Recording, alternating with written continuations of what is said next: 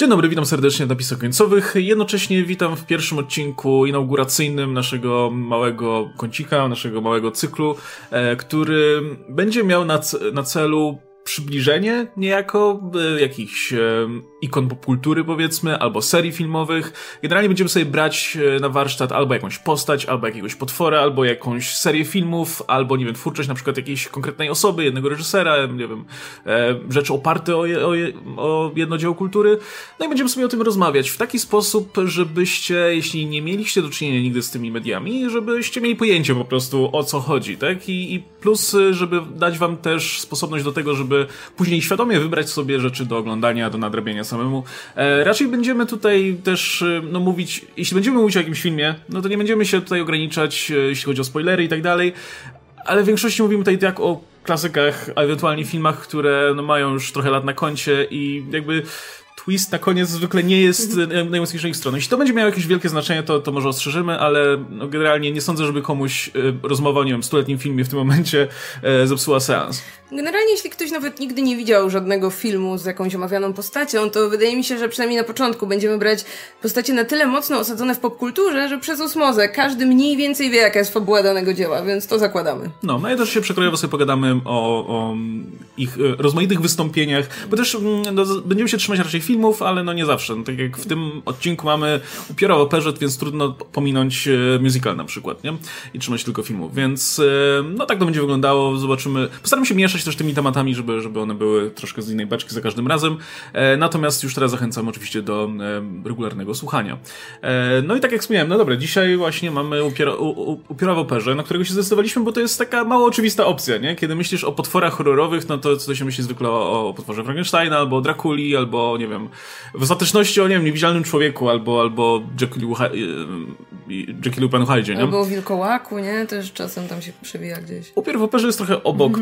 Mam wrażenie, że właśnie dlatego, że, że, że ten musical troszkę zgarnął tego potwora do, do siebie i, i trochę przestał być kojarzony jednoznacznie z horrorem, a moim zdaniem niekoniecznie, bo to też jest jakby... Upiór w operze ma, ba... W operze ma bardzo ważne miejsce generalnie w historii horroru. Um, Okej, okay, więc... Ja, gdyby ktoś chciał jeszcze innego powodu, dlaczego zaczynamy od upiora, bo ja się uparłam. no, natomiast... Um, nie, nie wiemy, czy, czy Radek wyraża aprobatę, czy nie, bo... To duch napisów końcowych w loży numer 5. Tak, w piwnicy. To cały, to cały czas byłem ja. O nie! Nikt się nie spodziewał tego twistu. To jak jest horrorowy odcinek, to musiał być twist. No ale ja, się, ja też chciałem tego, jak od razu Marta rzuciła, żeby robić tego upiora w operze, to kurczę, wydawało mi się takie mega intrygujące, nie? Bo części filmów nigdy nie widziałem. E, część pamiętam jak przez mgłę. I to był fajny moment, żeby sobie przypomnieć, nie? bo te filmy jednak mają swoje naprawdę konkretne miejsce w historii horroru, bo one są dużo, dużo, znaczy mocno się różnią od tych innych horrorów. Na przykład jak weźmiemy tą wersję Universalu, która jest cały czas w tym paku tych horrorów, jak zawsze są jakieś, wiesz, na przykład mam teraz wydanie Blu-ray tych klasycznych filmów Universalu i jest ten upiór, który zupełnie, wiesz, nie przystaje do reszty rzeczy, które się tam znajdują, właśnie do tego Frankensteina, do e, Wilkołaka, do Drakuli, no bo to jest zupełnie inny film, to jest bardziej opera w, tych, wiesz, w stylu tych lat 50., którymi się jarali w Ameryce, niż właśnie film grozy, nie? I to było bardzo, bardzo kuszące i dobrze sobie było tą wersję z Butlerem przypomnieć. Bo... Też na tle innych potworów, wydaje mi się, że mm, to, że on nie jest w tej samej grupie, wydaje mi się fakt, że tu nie ma takiej sek sekualizacji, tak? W sensie robiono mhm. raczej kolejne oddzielne filmy, które są samodzielnymi, mhm. odrębnymi tytułami i różnymi spojrzeniami na tę postać czy na tę historię, ale nie ma tu już takiego, wiecie, że później jak z Drakulą, jak z Frankensteinem, kiedy robimy te kolejne części, bo ta pierwsza tam się spodobała i tak dalej. No, z jednym wyjątkiem, niesławnym, y, w postaci musicalu, o którym może powiemy, bo jest kuriozalny. No, natomiast to też jest, warto powiedzieć, że jednak to jest potwór, który wracał na ekrany bardzo regularnie, może w ten sposób. E, w przeciwieństwie, no nie wiem, ja pamiętam, że jak rozmawialiśmy o Niewidzialnym Człowieku, no to było wyraźnie widać, że po tej całej fali filmów, jakie Universal produkował, no potem była długa, długa przerwa, aż tam do 80 do 2000 chyba, jak, jak, jak był ten Hollow Man Verhovena. E, I były jakieś tam pojedyncze filmy z niewidzialnym człowiekiem, ale generalnie no, nik, nikogo ta postać najwyraźniej nie interesowała. Być może, nie wiem, no bez tego aspektu, y, w momencie, w którym ten jego aspekt, że o, jest niewidzialny, zawładnę światem, w tym momencie stał się mało wiarygodny, no to jakby pozbyli się pomysłu na tę postać. Nie było takie Wellsowe, nie? Jak no. coś się pojawiało, to nie wiem, jak było te wspomnienie niewidzialnego człowieka, e, Carpentera, ale to była komedia z Chevy Chase'em, nie? To były najwyżej takie rzeczy. No, natomiast jeśli chodzi o, o upiorową operze, no to on w zasadzie mm, co, co, jakiś czas się pojawiał kolejny film, który bardzo fajnie uosabiał generalnie no, epokę, czy um, epokę horroru powiedzmy w tym czasie, nie? E... To, jeszcze dodam, że to jest to jest o tyle fajna postać do omawiania, że możemy, nie wiem, nie zgadzać się w ocenie poszczególnych filmów, czy ten film się komuś z nas bardziej podobał, czy, czy mniej, ale fajne jest to, że one są dosyć różnorodne. O, I w tym, jak portretują bohatera, w tym, jak przerabiają sobie oryginalną historię, co biorą, co odrzucają, więc y, tutaj właśnie nie ma też tego takiego elementu powtarzalności, nie? Gdzie cały czas mielimy to samo. E, no dobra, to w takim razie zastanówmy się. Zacznijmy może od takiego wyjścia jakby tak wydestylować upiora w operze, jako potwora, jako postać, jako powiedzmy jakiś tam element popkultury y, i no, wydestylować to, co jest najważniejsze w tej postaci. Teraz z perspektywy czasu, powiedzmy, biorąc pod uwagę te wszystkie media, które, które do tej pory mieliśmy, jakie cechy byście podali w tym wypadku? Jaka to by była postać? Wiesz co, y, dla mnie trzy cechy są chyba najważniejsze. Pierwsza to jest taka, że to musi być ten wyrzutek, Najlepiej, żeby właśnie od zawsze miał jakiś rodzaj zniekształcenia twarzy i tak dalej, żeby to nie była ta historia, kiedy oblano go kwasem nagle, tylko właśnie, żeby to było coś, z czym boryka się całe życie, więc właśnie ten aspekt, że nikt go nigdy nie kochał, że był całe życie odrzucany, żeby jakby był w esencji tej postaci, to jest jedno. Y, drugie to moim zdaniem powinien być ten geniusz muzyczny, bo to, to jest ważne i to można też ogrywać na różne sposoby. No i trzecia to ten aspekt romantyczny, ponieważ dla mnie upiór jest bohaterem romantycznym i można opowiedzieć historię o upiorze bez tego aspektu, ale wydaje mi się, że on jest tutaj jedną z tych podstaw, że jak to wyjmiemy, to nie będzie już do końca ta sama opowieść. No to trochę jest jakby kolejna historia z cyklu Piękna i Bestia, nie? Gdzie, gdzie e, zresztą w, e, w tym czasie szalenie popularne, bo i, bo i Frankenstein w międzyczasie był parę różnych tutaj inkarnacji i, i ten King Kong w 33 i tak dalej. To się na pewno wpisywało tutaj, szczególnie jak, e, no powiedzmy, ta, ta musicalowa wersja nie stała się tą dominującą. E, ja bym jeszcze dodał do tego, że dla mnie to jest, ja generalnie bardzo długo nie miałem żadnego pojęcia tak naprawdę z czym się wiąże ta postać. Poza tym, że no, kojarzyłem coś tam z, z tego musicalu, kojarzyłem oczywiście ten, ten, ten ryjek Lona Chineya, seniora, który mamy, który jest za nami, ale poza tym też nie, nie bardzo wiedziałem, czy, ta czy to jest pozytywna postać, czy negatywna postać, czy to jest jakiś antybohater, czy coś takiego. E, I teraz z perspektywy czasu jakby każdy film też podchodzi do tego trochę inaczej, e, ale jakby miał wziąć, e, wziąć taką cechę charakterystyczną, no to to byłby taki no, manipulant, tak? Taki gość, który też dba bardzo o fasadę i to jest taki, taki czarnoksiężnik z krainy nie? Ten typ, który tam pod po tą fasadą tych wszystkich, tych wszystkich sztuczek po prostu jest tak naprawdę małym człowieczkiem, który tam sobie siedzi w piwnicy i... i, i Tym karłem, który się pojawia od... Y od kamera dalej. Ja zawsze widziałem właśnie, yy, yy, znaczy jak, jak już zacząłem oglądać te filmy, to, to do mnie ta postać przemawia właśnie jako ten, yy, no jednak mały człowiek, taki za, zakompleksiony mocno i który e, i, który no, odreagowuje powiedzmy w, w, ten, w, ten, w ten sposób swoje traumy, nie? Za pomocą manipulowania innymi. I jakby wszystkie rzeczy, które się dzieją w tej operze, no to, to są jego zabawki, którymi on się w tym momencie może bawić. E, i, I, to jest ten aspekt, którego ja zawsze szukam w, ty, w, tych, w tych filmach. No to Gerard Butler bawił się lalkami, to no tak, może to żeby, spełniło to twoją tak, potrzebę. Żeby subtelnie zaznaczyć, mm. że tak jest, no.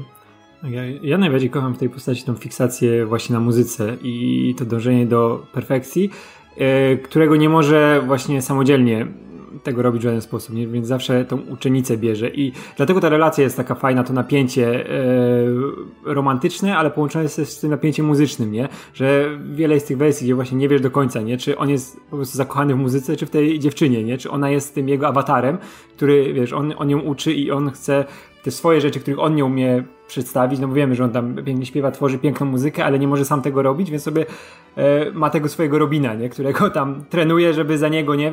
To jego, jego geniusz pokazać światu, a on jest tak jak e, ten e, Łukasz mówił, że on jest tak też e, zafiksowany na swoim wyglądzie, nie? Że wiesz, że on się nie może pokazać. Nie? Nawet jak ma tą taką, to jest takie bardzo w stylu doktora Duman, że nawet jak wiemy, że tam ma jakąś twarz poparzoną czy coś, ale na przykład e, Gerard Butler, nie? No to umówmy się. Z tym jego poparzeniem, jak on by wyszedł na tą scenę, to i tak by wszyscy klaskali i by, wiesz, by miał kobiet na pęczki i by był super gwiazdą, nie? Dlatego ja najbardziej lubię tą wersję Chaneya, gdzie on naprawdę był tym książkowym potworem, nie? Gdzie był zdeformowany, miał zniszczoną twarz, szczękę, wszystko i wtedy wiem, czemu on przenosił tą swoją, wiesz, to, to, to swój talent, chciał na kogoś przenieść, bo on się tam nie mógł zupełnie pojawić gdzieś wyżej, nie? Żeby, żeby występować i to jest dla mnie fascynujące, szczególnie, że te wersje muzykalowe się do nich najlepiej wraca. Ja, ta wersja z Reinsem ma jako jeśli chodzi o ogarnięcie postaci, to ona ma no, dużo wad, nie? I ona jest bardzo, bardzo dziwna. Szczególnie tam, nie wiesz, czy on jest ojcem jej, czy jest mi zakochany i to się tak, wiesz, jest Nie mogli się zdecydować. Tak. tak, nie mogli się zdecydować, zresztą oni później porzucili całkowicie to, że on jest ojcem, nie? Żeby tego, nie zrobić tego incestu, nie? Żeby to tak nie wyglądało. E, ale tamte elementy operowe, jak pięknie śpiewali, to mnie za każdym razem, jak, jak zaczarowany to oglądam, bo to jest przepiękne. I dla mnie miłość do muzyki to jest na pierwszym miejscu za każdym razem. A jak jest krew też, to też fajnie. No właśnie, czy to jest, e, bo Matt wspomniała o tym, że, mm, że musi być ten element romantyczny. Czy jest to dla was postać stricte horrorowa, czy, czy, czy właśnie niekoniecznie? Wiesz co, no dla mnie ten mój idealny upiór, a nadmienię, jak jeśli miałabym wskazać mojego idealnego upiora, to to jest ten z wystawienia na 25-lecie w Royal Albert Hall, którego grał Ramin Kariblu. To jest mój upiór, taki mój ultimate. I generalnie e, to jest postać... E, której jest mnóstwo cech takiego zarówno bohatera romantycznego, takiego werterowskiego, który jak cierpi, to cierpi najbardziej, o mój Boże, jak on cierpi, wszyscy muszą widzieć, jak on cierpi. Yy, jak już kocha, no to już tak, że tu zabijać ludzi i innych i tak dalej, żeby tylko, żeby tylko osiągnąć ten cel. Jednocześnie, no to właśnie z dzisiejszej perspektywy to jest, to jest, to jest taki dzieciak, tak? No to jest, yy, no to jest oczywiście ten dorosły facet, którego nie przystosowano, bo nie wiem, wychował się w kanałach, albo nikt go właśnie nigdy nie kochał i tak dalej. Więc w momencie, jak on pierwszy raz ma tutaj to zderzenie tych swoich uczuć romantycznych, yy, właśnie z tym też perfekcjonizmem, taką potrzebą kontroli i tak dalej, no to rozjeżdża mu się wszystko i zostaje tym takim krzyczącym dzieciakiem, który się trochę miota, który, no tu by chciał, nie jest, nie jest zły, tak? Nie jest, taki, nie jest postacią złą do szpiku kości dla mnie, tylko jest takim, mm, no jest postacią, która może być redeemable, która może mieć swój taki ark, ark odkupienia I, mhm. i lubię jak to jest w tej postaci. Jeśli jakby właśnie story ark upiora, to jest to, że on się uczy czegoś w tej historii. Jeśli nie kończymy jej tak, że tłum ludzi z pochodniami, yy, wiecie, zagania upiora do, do kanału i go tam topią. Tylko jeśli właśnie upiór dostrzega to, że tutaj ta bohaterka potrafiła właśnie okazać mu współczucie, czy nawet w niektórych wersjach jakąś formę uczucia, moim zdaniem. E, no i rozumie, tak? Uczy się, uczy się, że a, to tak też może być, to ja też będę taki i tak dalej. To, to, to jest jakby mój, mój upiór. Mhm. Radek? Kto jest moim upiorem? Znaczy tak poza, poza e, tematem, bo to bardzo odbiega, to moim upiorem jest ten z raju. E, De Palmy, bo to jest nakoksowany gość, który tylko żeby tworzyć muzykę, żeby się działo, światełka świeciły i to jest dziecko swoich czasów, lata 70. Tam ostro wszystko wchodziło i widać, że De Palma też pewne rzeczy znał, ale to tak na boku. Ale z tych takich upiorów, upiorów, ee, kurczę, ja chyba najbardziej lubię jednak starego Chaneya, bo to był, to był kapitalny horror. Bez niego byśmy nie mieli później tych wszystkich potworów w Universalu, bo wiemy, że on nauczył tych kolejnych twórców tego, jak pokazywać grozę na ekranie. E, plus on był jednak e, najbliżej tej wersji, jeśli chodzi o wygląd e, książkowej, tak jak mówiłem, nie? że on tutaj naprawdę był zdeformowany. Naprawdę można było czuć, że no, on jest zniszczony przez życie, nie? że on nie ma szans w jakikolwiek sposób funkcjonować z innymi ludźmi, nie? I że to go popchnęło do tego całkowitego gdzieś tam e, za, zaszczucia i siedzenia właśnie w tych kanałach i, i, i tam życia. Plus on ma najlepszą tą scenę zdejmowania maski, która jest do dzisiaj przerażająca, cały czas z tymi rozdziawioną gębą i to jest tak przerażające. Nie, ja w ogóle ja kocham we wszystkich filmach i to, jakie on miał podejście już tak ze strony czysto technicznej, żeby zrobić ten cały make-up, nie? Przy wiadomo osiągnięciach technologii swoich czasów, nie? To, to było naprawdę coś. Przyklejanie tych wszystkich tam fragmentów gumowych, podczepianie sobie tego nosa na e, żyłce i przylepianie go do czoła i że tego aż tak nie widać, nie? A tutaj chociaż widzę teraz u was tam tą żyłkę, mhm. ale to są te zdjęcia. To jest, to jest złe, że te filmy teraz wychodzą, wiesz, w HD, są remasterowane. Żyłkę, no. Tak, i jak oglądasz stare horrory, na przykład te Universalu, jak teraz oglądam na Blu-rayu, sobie przypominałem, no to tam się rozchodzi wszystko, nie? I widać te rzeczy. I niektóre filmy powinny jak zostać w tej klasycznej wersji. No i dla mnie będzie Chaney, mój, mój upiór. Ja jeszcze tylko tak się odniosę do tego zniekształcenia twarzy, bo moim zdaniem można fajnie ogrywać to, gdyby właśnie on nie miał zniekształconej twarzy, ale wiecie, w jego głowie to mm. by była ta wielka przeszkoda, prawda? To by było to coś, czym on sobie usprawiedliwia pewne rzeczy, że on sobie bardziej wmawia, no nie? Tylko pytanie, czy ktoś to ograł dobrze? No bo chyba nie. Jakby właśnie mogli to ograć na przykład Gerardem Butlerem, który wygląda spoko, tak? Jakby akurat tutaj nie można nic, nic powiedzieć, ale no, no, no nie. Znaczy to jest coś, co Universal próbował ogrywać, jak, jak tworzył swoją wersję w czasie tej drugiej fali horrorów, no ale w końcu nie zdecydowali się na to i poszli w tym standardowym kierunku. No a potem Dario Argento próbował Tak, Dario Argento. Ale, ale troszkę, troszkę przestrzeloną, nie? No i właśnie y, ja też tutaj chyba najbardziej lubię, lubię tego e, upiora Alana Cheneya, bo jest ja, ja myślę, że to jest generalnie. Historia upiora w operze to jest bardzo prosta historia. To jest na zasadzie, wiesz, no, jest gość, który jest zafiksowany na punkcie tej, tej piosenkarki, znaczy śpiewaczki w zasadzie, nie piosenkarki, śpiewaczki e, i, i. Piosenkarka operowa. I to jest, tak, i on jakby przy, przenosi swoje ambicje. To jest w ogóle to jest taka historia, jak wiecie, jak te. Mm, jak ci rodzice, którzy y, realizują swoje y, ambicje na dzieciach, nie? Jakby, jakby zabierają dzieciom dzieciństwo, żeby, żeby y, osiągnęły coś, czego rodzice nie osiągnęli. E, trochę tak, mam wrażenie, że tak jest z tym upiorem, który, który wie, że nie może jakby, przez to jak wygląda, nie może wyjść do świata w żaden sposób, E, dlatego też próbuję w inny sposób, powiedzmy, no nie wiem, jakieś swoje ambicje tutaj muzyczne, artystyczne realizować. E, dlatego też mam wrażenie, że ten jednocześnie ma, e, wydaje mi się, że ten no, zniekształcenie jest istotne w tej historii pod, pod tym względem, nie? że no, musimy mieć powód, dla, dla którego ten upiór siedzi sobie w tej piwnicy i manipuluje rzeczami tak, żeby było na jego, a nie wychodzi po prostu i nie chodzi w tej masce po prostu między ludźmi, nie? No bo jak, jak patrzysz na te niektóre wersje, y, przede wszystkim no te w y, Jareda Butlera na przykład, y, no to w zasadzie, no w zasadzie to dosłownie mógł mieć taką maskę, jaką ma, jaką ma, no, no charakterystyczną powiedzmy na pół, na pół twarzy, i wyglądałby jak każdy normalny człowiek. Nie? Czemu on siedzi w takim razie w piwnicy w ogóle? I, i... Szczególnie, że on się, wiesz, ubiera super, wygląda dobrze.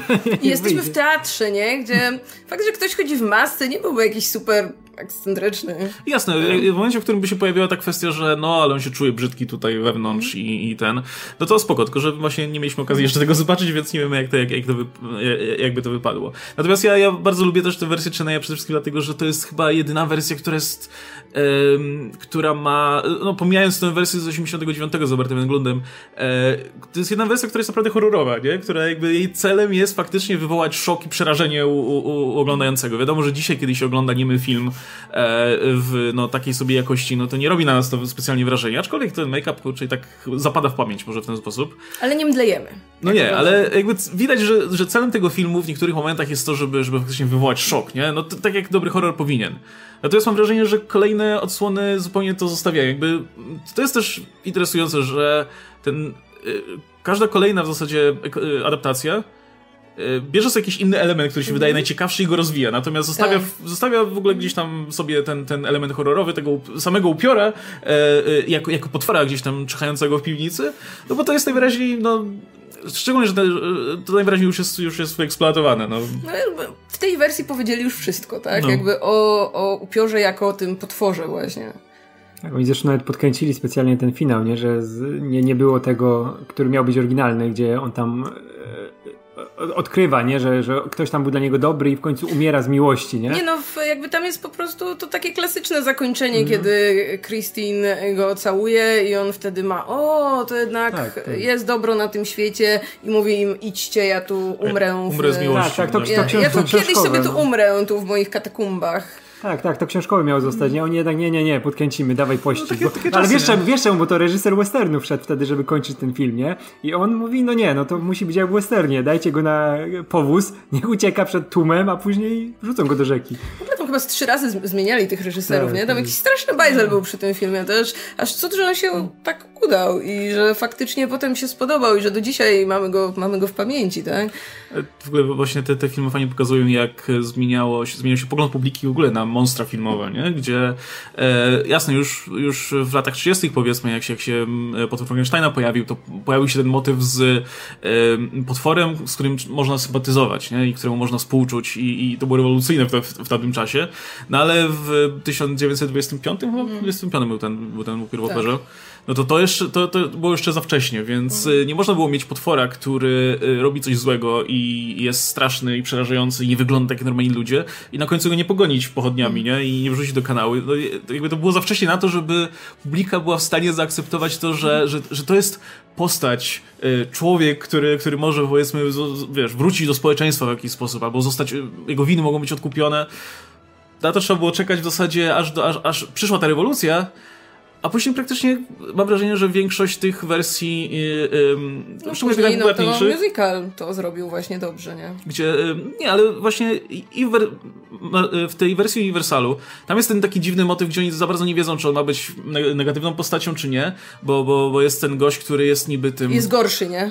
No jest... Znaczy, w sumie to nie wiadomo. Znaczy, w tej wersji Hammera jest ten zdecydowanie typ, który jest gorszy. W tej wersji z 40 lat to jeszcze tak... Mm, nie no, w, te, w tej wersji Uniwersalu pierwszej to jest tak, że właśnie jest sobie ten upiór i on ma tą dziwną fiksację na punkcie tej swojej Christine i, i on jej opłaca lekcje śpiewu i tak dalej i wiemy, że to wynikało z tego, że to miał być w pierwotnej wersji scenariusza i ojciec, ale, ale zaniechali tych planów, więc tak nie wiadomo co w zasadzie, o, o co z nim chodzi. I jest jednocześnie, wydaje się spoko, spoko gościem, a potem nagle ma ten moment, kiedy coś mu odbija i, i e, w związku z tym, że zasłyszał, że, że chcą mu ukraść jego tam e, e, dzieło życia, no to, to wpada w szał i zostaje oblany kwasem i nagle zamienia się w upierową operze i jest zły.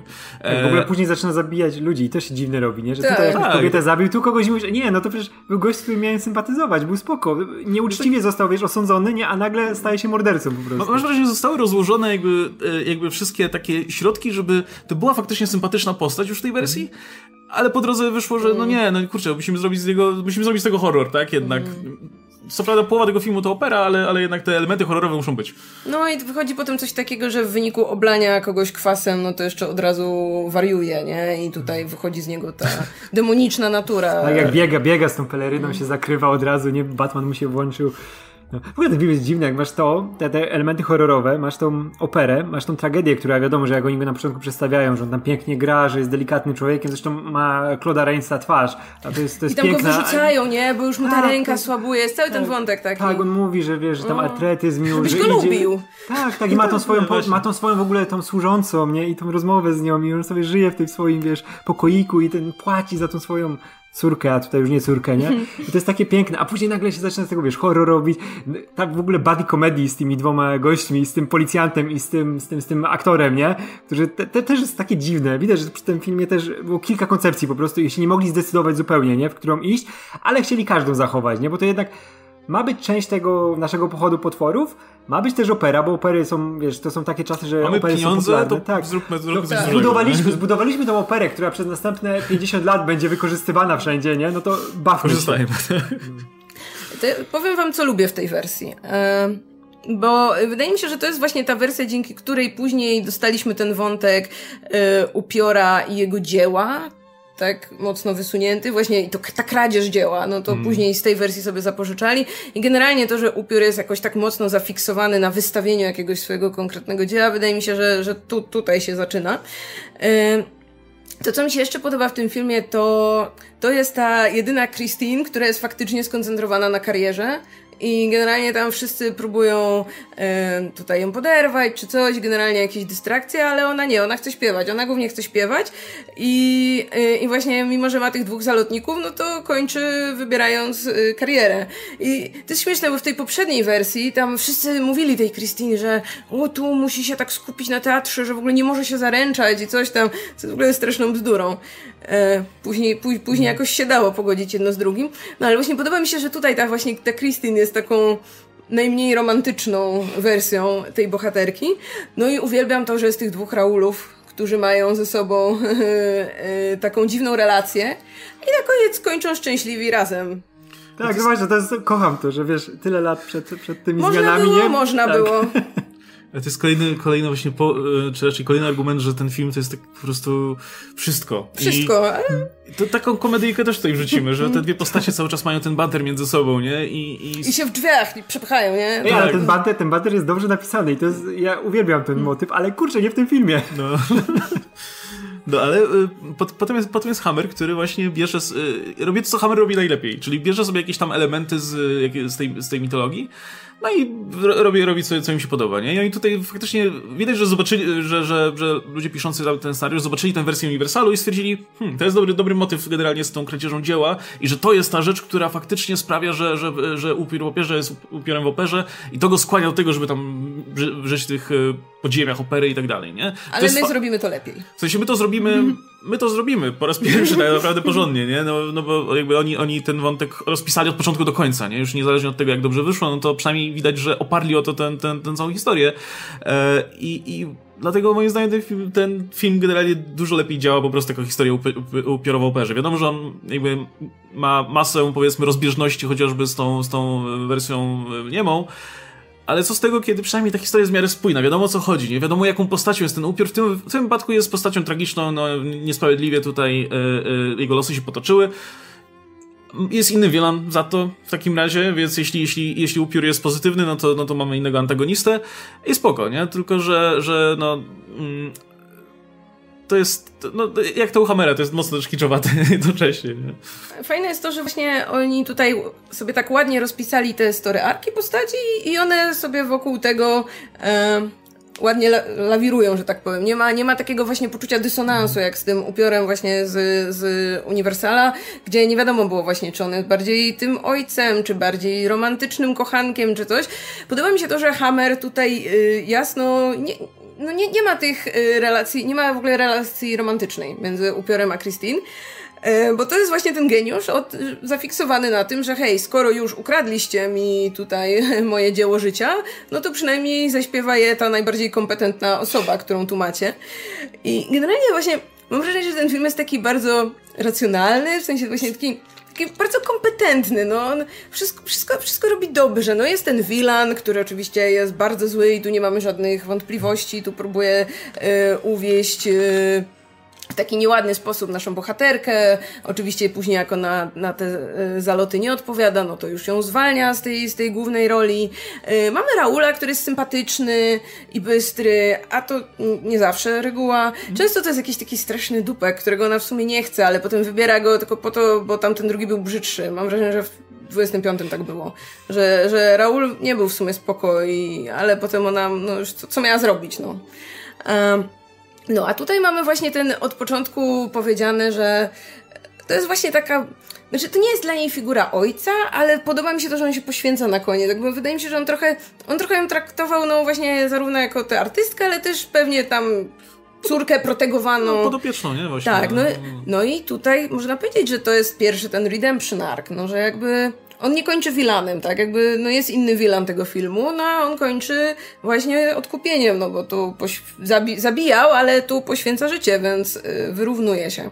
Przy czym na- największą wadą tego filmu jest moim zdaniem to, że on jest taki bardzo właśnie nijaki, w sensie no ten upiór wygląda, nie wygląda jakby, jakieś takie nie ma żadnej takiej, takiego, wiecie, elementu charakterystycznego, że o, pamiętamy tę wersję po tym, nie?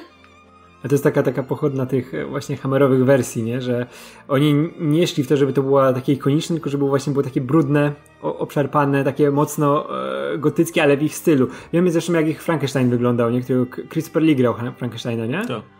Tak, to, to on nie, nie był. Jak go się porówna do wersji Karlofa, nie, która miała być od razu, być tą ikoniczną, wiesz, ona miała wszystko, żeby być, a ta wersja Christophera Lee, no, no to był gość, wiesz, pomalowany na zielono, wyglądał jakby był poskładany właśnie z trupów, no ale nie, nie zapadnie ci w pamięć, tak jak ta wersja Karlofa, nie? No, Christopher Lee zapadł, ale to był Christopher Lee, to jako Dracula, nie? No to tam na innych warunkach działał, bo ta jego twarz to jest już jednak wampiryczna, nie? Nie musisz do niego nic więcej dodawać, wystarczą te czerwone oczy, ale kto się wpisał w ten upiór opery, nie? On nie miał być efektowny, on miał być efektywny, nie? I tak, tak to działało, tak to wyglądało, nie? W ogóle w tym filmie uwielbiam to, o czym mówiliście, że dodali tego Wilana w końcu, który wprowadził naprawdę fajny konflikt, nie? Że nie, uwaga widza i nie skupiała się w całości na tym, co robił upiór, nie? Bo wiemy, jak na przykład było w tej wersji z Rainsem, gdzie jak kogoś zabił, to od razu się na tym fiksowałeś, nie? Że kurczę, no on kogoś zamordował, nie? Mam go lubić, ale wiem, że on morduje, nie? Co, coś, coś tu za szybko idzie, nie? A tutaj masz naprawdę, masz tą kradzież, masz tego złego, który jest naprawdę zły. W ogóle, jak teraz sobie przypominałem film, to yy, znowu się zorientowałem, kurczę, jak dobrym aktorem jest Michael e, Cove ten, który dzisiaj go pamiętamy, o, to jest Alfred z Batmana, nie? I to jest wszystko, a kurczę, to był tak fantastyczny aktor i tak fantastycznie zagrał tego Wilana. On ma w ogóle tą twarz takiego brytyjskiego, pięknego gościa, nie? Brytyjskiego którego... dupka, Tak, ale dupka, tak, dokładnie. Takiego, też, też, też, ale, dupka właśnie. Ale właśnie, ale takiego, ale takiego pięknego, nie? Że kurczę, tu masz tego upiora, a tu masz tego pięknego gościa, który kombinuje, nie? I no jest to, jest to fajnie zagrane. No i to jest, to jest Hammer. Kurczę, i Terence Fisher. Widać, że to była taka ręka konkretna reżyserska, nie? Dał nam tego Frankensteina, dał nam tego Drakule od Hammera, no i dał nam tego e, upiora w operze, który jest znakomity. Nie, no właśnie e, widać, widać e, po tym filmie, jak, jak no, taśmowo produkowane były te filmy Hammera jednak, nie? Wiadomo, że wspominamy je dzisiaj bardzo często z sentymentem i że o, to były te remake'i pierwsze w kolorze niektórych potworów i zapisały się w historii, ale w gruncie rzeczy to były te tanie horrory, które były wypuszczane po prostu taśmowo, żeby, żeby no, dostarczyć ludziom taniej rozrywki, tak? tak. Niskich lotów. To miał I... być Universal tylko z krwią. Tak, no taki były tak to wyglądało. A, zresztą, a ten upiór przecież był w ogóle też robiony na zleceniu Universalu, nie? Jakby mm. współpracowali ze sobą i po prostu plan był taki, ej, zróbmy nową wersję, niech oni, niech oni tam zrobią ci Brytyjczycy, bo oni robią fajne horrory. No to zrobili, nie? I podejrzewam, że, że, że to nie wkładali w to jakoś dużo, mm. dużo, dużo, dużo siebie, nie? To widać troszkę po, po tym filmie. No, nie? właśnie, że brakuje w nim takiego serca, nie? Mm. Fajnie, że on ma ten swój konkretny pomysł, który realizuje kompetentnie, ale właśnie, no celowo bardzo dużo odrzuca z tej historii, to na pewno, a też właśnie nie zostanie nam w głowie, myślę, nic, wiecie, nawet ten, ten, ten upiór zwłaszcza, nie? Mhm. To wydaje mi się, że jak ta postać nie jest dostatecznie charakterystyczna. Nawet wiecie, no nie, nie, nie wymieniamy tego pana, e, który, który go grał, bo pewnie nikt z nas go nie Herbert zapamiętał, Lom. nie? Herbert Lom. No okay. to, to jest znany y, taki zasłużony aktor. Mm, taki... No ale, ale nie, nie No ale wiesz, nie, wy, nie wymieniasz go od razu, nie? Tak jak wymieniasz no, Cheneya, czy tak jak wymieniasz nawet Rainsa i tak dalej, no to... Butlera. Butlera, tak. No to, no to Tego pana Cię, znów zapomniałam. Ciężko, e... ciężko ominąć Butlera. Ej, Juliana Sansa oczywiście, zaraz dojdziemy. E, ale mam wrażenie, że właśnie mm, ta, ta wersja Hammera najwyraźniej była tak bardzo by the book i tak bardzo podręcznikowa, że chyba wyczerpała w ogóle zainteresowanie e, upiorem jako tą postacią horrorową, nie? I, i w tym momencie dopiero, dopiero kiedy w latach 80 pojawił się ten musical, no to to zainteresowanie znowu podskoczyło, bo potem zaczęły się też pojawiać dopiero nowe filmy i, i które też pewnie jakoś tam no, z, tego, z tego musicalu też czerpały, nie? Nagle, nagle e, upiór stał się... no właśnie bardziej romantyczną postacią niż, niż tylko potworem horrorowym, nie? I, i mam wrażenie, że, te, że, fakt, że e, ten element romansowy wyszedł na pierwszy, plan, na pierwszy plan. I mam wrażenie, że dzisiaj jak się myśli o generalnie upior, upiorze w operze, tak jak, nie wiem, myśląc Dracula, no to masz tego Bela Lugosiego przed oczami, nie? Myśląc Frankenstein, potwór Frankensteina, no to masz tego Karlofa w tym make-upie. Ale jak myślisz upiór w operze, no to, no to być może ci starsze daty, to tutaj tam ten łączenie się włączy, ale dla większości osób na pewno będzie, będzie ta, ta musicalowa wersja. Musical tak? ta piosenka, tak, którą tyle, nie wiem, zespołów coverowało, która w tylu wersjach była do usłyszenia, że no wydaje mi się, że znaliśmy tę piosenkę zanim znaliśmy tę historię. Ja na przykład tak miałam, że dawno, dawno temu piosenka, a dopiero potem z czego to i o co chodzi, nie? I no umówmy się, musical dał nam jedno, upiór może być sexy. To nie jest coś, e, co byłoby eksploatowane w jakimkolwiek poprzednim filmie, a w musicalu, no, wydaje mi się, że to jest ważny element. I e, właśnie ten wątek romantyczny tutaj e, faktycznie, no, no ma, nie wiem, powiedziałabym, że równorzędne skrzypce? Nie, bez sensu to zdanie. Że jest równie ważny, co ten wątek muzyczny, że to, to są te dwa y, najważniejsze aspekty y, wersji muzykalowej. Ale podoba mi się właśnie to, że z tego wątku romantycznego tu można jakby naprawdę dużo wycisnąć, prawda? Że jak się przyjrzymy, yy, o co chodzi, że mamy, mamy tę młodą dziewczynę, która yy, tak naprawdę pierwszy raz musi trochę zdecydować, kogo ona by chciała.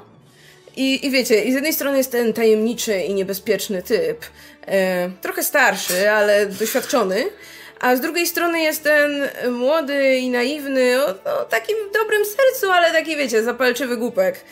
I no właśnie, co, co, co, co tu zwycięży? I wydaje mi się, że to też jest ta jedyna wersja, gdzie faktycznie yy, no Christine żywi, żywi właśnie jakieś takie emocje romantyczne do upiora też. E, to właśnie, mam wrażenie, że, że to jest. Na, na długo zanim pojawiła się Stephanie Meyer, to, to Andrew Lloyd Webber, Webber e, wpadł na ten właśnie na ten pomysł, że hmm, weźmy, weźmy klasycznego potwora, ale sprawmy, żeby był seksowny i zobaczymy, co się wydarzy. I okazuje się, że, że to w zasadzie no, wniosło nowe życie tutaj, do, do, do tej postaci, nie? I w jej, w jej tutaj obecności w kulturze. Wiesz, to też, to też było takie wyciąganie jednak z tego oryginału, nie? Tej, tej esencji, bo tam wiem, że w książce Gastona Lero, e, było to połączenie tego właśnie romansu z e, kryminałem, nie? bo to wtedy były dwa najpopularniejsze mm. gatunki, nie? więc jak to połączyłeś, to było super. No tylko e, później każda wersja jednak w którąś stronę tą szalę przechylała, nie? No a Lloyd Webber poszedł jak najbardziej właśnie w stronę tej, tej, tej wersji romansowej, tej sexy, tej fajnej, żeby było cool, nie? No, a ta, ta postać miała wszystko, żeby być cool, wiesz, ta maska, troszkę ją tylko zmienić, no i wiemy jak to dzisiaj wygląda, nie? Że bardziej, jak ktoś myśli upiór w operze, to nie, nie, nie myśli tak naprawdę o Lloyd Chaneyu, wiesz, tym brzydkim, zdeformowanym, tylko myśli o tej, wiesz, połowie maski Butlera, nie? No bo to jest takie już symboliczne mocno. No właśnie. No, znaczy nie wiem na ile to jest prawda, bo nie dotarłam aż do takich informacji, ale jakby no pytanie też, czy właśnie Weber pisząc to, to właśnie nie myślał sam bardziej pod kątem, wiecie, ten geniusz i tutaj ta młoda, zdolna śpiewaczka, no bo to bardzo mocno koreluje z jego życiem, z tym, e, że pisząc, pisząc rolę Christine, no to pisał ją z myślą o ówczesnej żonie i tak dalej, więc wydaje mi się, że ten aspekt, żeby właśnie ten upiór był e, bliższy widzowi, żebyśmy właśnie dostrzegali, że o, on tu jest tym geniuszem, że o, on tu w sumie dobrze chce i tak dalej. Wydaje mi się, że mógł tutaj coś, coś, coś wnieść takiej swojej cegiełki Weber. No, znaczy w ogóle widać, widać, jak, widać na co idzie nacisk w ogóle w, w musicalu, nie? gdzie e, ta, choćby ta e, sekwencja maskarady, która jest oryginalnie gdzieś tam pod koniec i w zasadzie już jest blisko kulminacji całego filmu, nie? W, tym, w tym nie wiem filmie, to jest jakaś mhm. końcówka filmu w zasadzie, nie? Gdzie, gdzie tu już napięcie sięga zenitu i tak dalej, no to w musicalu to jest jakiś, nie wiem, po... To jest połowa, drugi akt zaczyna się od maskarady. No, jakaś połowa, a, a nie wiem, a tak e, jeśli, jeśli chodziło o odczucia, no to nie wiem, jakieś jedna trzecia czy coś. E, jakby wiesz, że to jest dopiero początek i teraz dopiero, dopiero teraz bohaterowie będą mogli sobie mówić i śpiewać sobie o swoich uczuciach przez kolejne dwie godziny. E, bo to, to, to jest... Nie, nie, drugie, drugie akty są krótsze, to już, już nie śpiewałem dwóch godzin bez karady. E, Okej, okay, to słuchajcie, Dlaczego, dlaczego to chwyciło? Dlaczego, dlaczego ten upiór najwyraźniej tak dobrze działa jako, jako obiekt westchnień? No, z mojej perspektywy bo, bo to, to, jest... to, dokładnie co powiedziałam, że właśnie wiesz, jestem tym takim nieznajomym, który przyciąga, który jest właśnie trochę niebezpieczny i taki niezbadany i no kusi. To jest, to jest ten aspekt, że właśnie yy, wiesz, tutaj rozsądek ci mówi, bie, bierz Raula, tutaj przyszłość i stabilizacja i tak dalej, ale tam słyszysz ten, ten głos głowy, a tutaj ten upiór, może, może jednak fajniejszy romans będzie z tym typem. No, nie wiem, to jest, dla, dla mnie się zawsze wydawało takie ja mam trochę problem, żeby kupić generalnie romans upiorze, upiorze w operze i to ta, też, też w jakiejkolwiek wersji scenicznej, przez to, że jakby masz tą młodą dziewczynę, która w każdej wersji jest młodziutka, a jeśli nie jest młodziutka, no to ma być w zasadzie, bo to, to jakby też no, no jest głupia, nie, no nie widziała świata ani nic, w zasadzie no ona nie ma żadnego pojęcia o niczym praktycznie. I pojawia się ten typ, który mówi, ja ci będę uczył, ja tutaj będę mówił, co masz, co, co masz śpiewać, ja ci tutaj karierą, wiesz, pokieruję.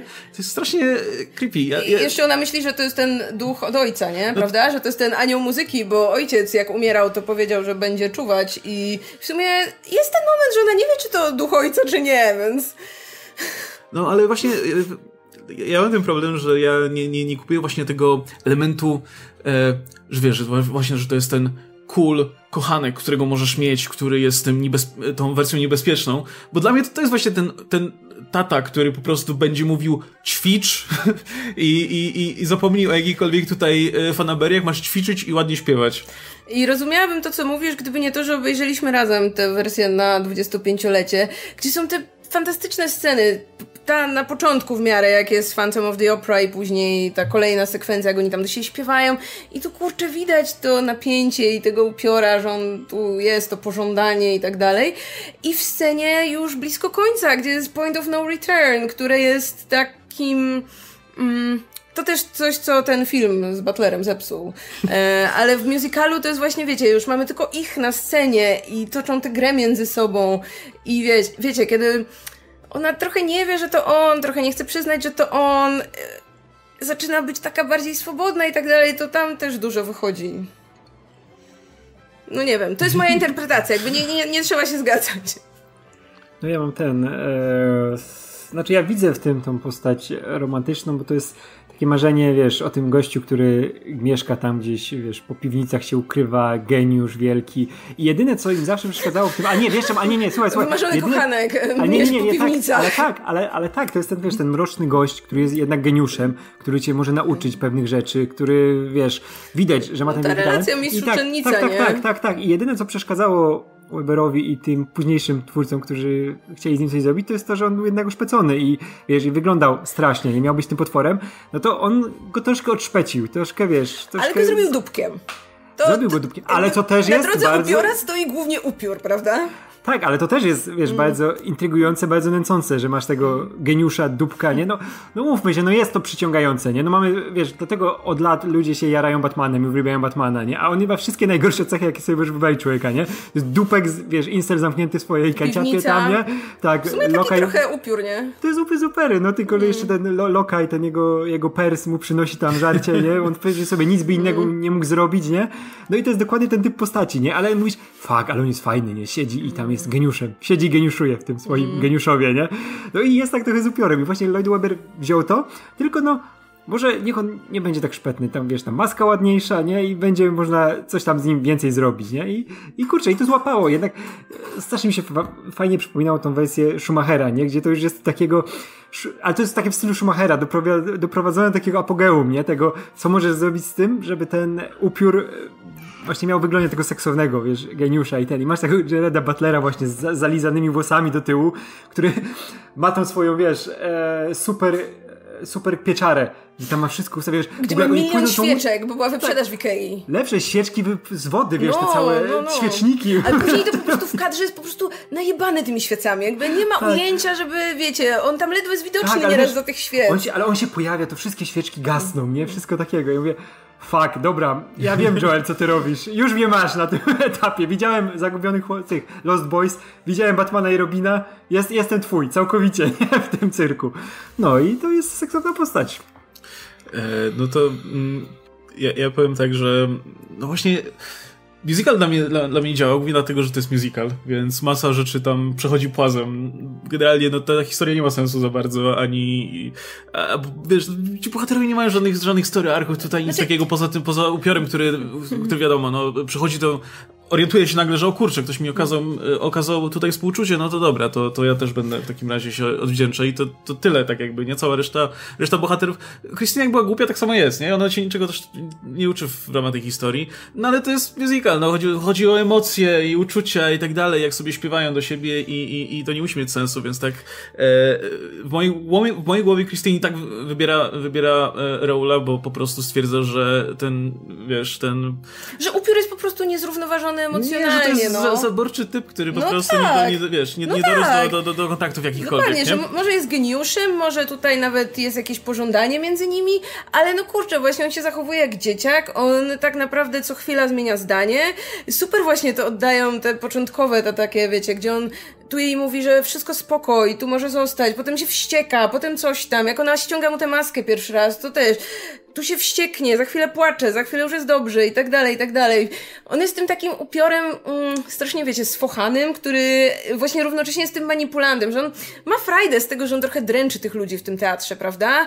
Cała ta akcja z tą e, Madame Carlotą, to, to, to jest tutaj, że ona zaczyna skrzyczeć jak żaba i tak dalej. Widać, że on ma frajdę z tego, że, że robi coś złego też w tym, w tym teatrze, że te listy wysyła, że ci ludzie tam potem nie wiedzą, o, kto to wysłał i tak dalej no to trudno się dziwić, Christine, że nie chce tego typa, który no właśnie, no po prostu emocjonalnie jest yy, no, na poziomie nastolatka, właśnie takiego buzującego hormonami, emocjonowanego nastolatka, który się pierwszy raz zakochał i myśli, że to jest właśnie największa rzecz na świecie, totalnie niepowtarzalna, nikt nigdy nie czuł tak jak on.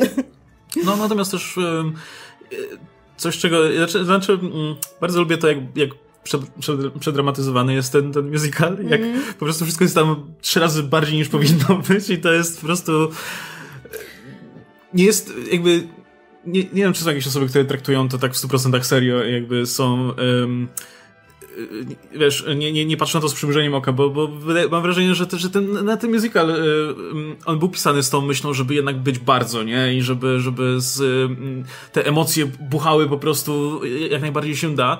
E, trochę, trochę, trochę żałuję, że, że, że ten element horrorowy w ogóle gdzieś tam zniknął, że, że jakby upiór no jest tym bucem i, i tym typem, który od czasu do czasu kogoś może zamordować, ale no jakby nie jest straszny już, przy sobie straszny zupełnie, nie? Jest tajemniczy, ale, ale już nie jest w żaden sposób straszny, nie wygląda strasznie, nie ma, y, tu już mówiliśmy o tej deformacji twarzy i tak dalej. E, mam wrażenie, mam wrażenie, że kurczę, gdyby jednak ten element horrorowy zachować, może byłoby ciekawiej. Ja chciałam jeszcze coś, czekaj. Mm, Boże. Ja, chcia, ja tylko dodam, no, że kurczę, chciałbym w końcu wersję zobaczyć taką, gdzie przez e, długi, długi czas ten upiór będzie naprawdę przedstawiany jako upiór, wiesz, jako ten typ, który gdzieś tam przemyka, gdzie widać, wiesz, jakąś tylko jego cień złowieszczy. Trochę tak było w tej wersji Chaneya, nie? Gdzie tam Trochę tak jest też w muzykalu, czas... nie? Tak, tak, tak, że on tam był na ścianach, ale tak naprawdę, żeby na serio było to zrobione jako horror, nie? Bez tego zacięcia, że to, o, to nie, to jest wielka opera, czy, czy coś takiego, nie? Tylko skupić się całkowicie na tym, że mamy tej operze cholernego, wiesz, potwora, nie? I nie wiesz, czy to jest człowiek, czy to jest, e, no coś, jakieś nadprzyrodzone, nadprzyrodzona istota, nie?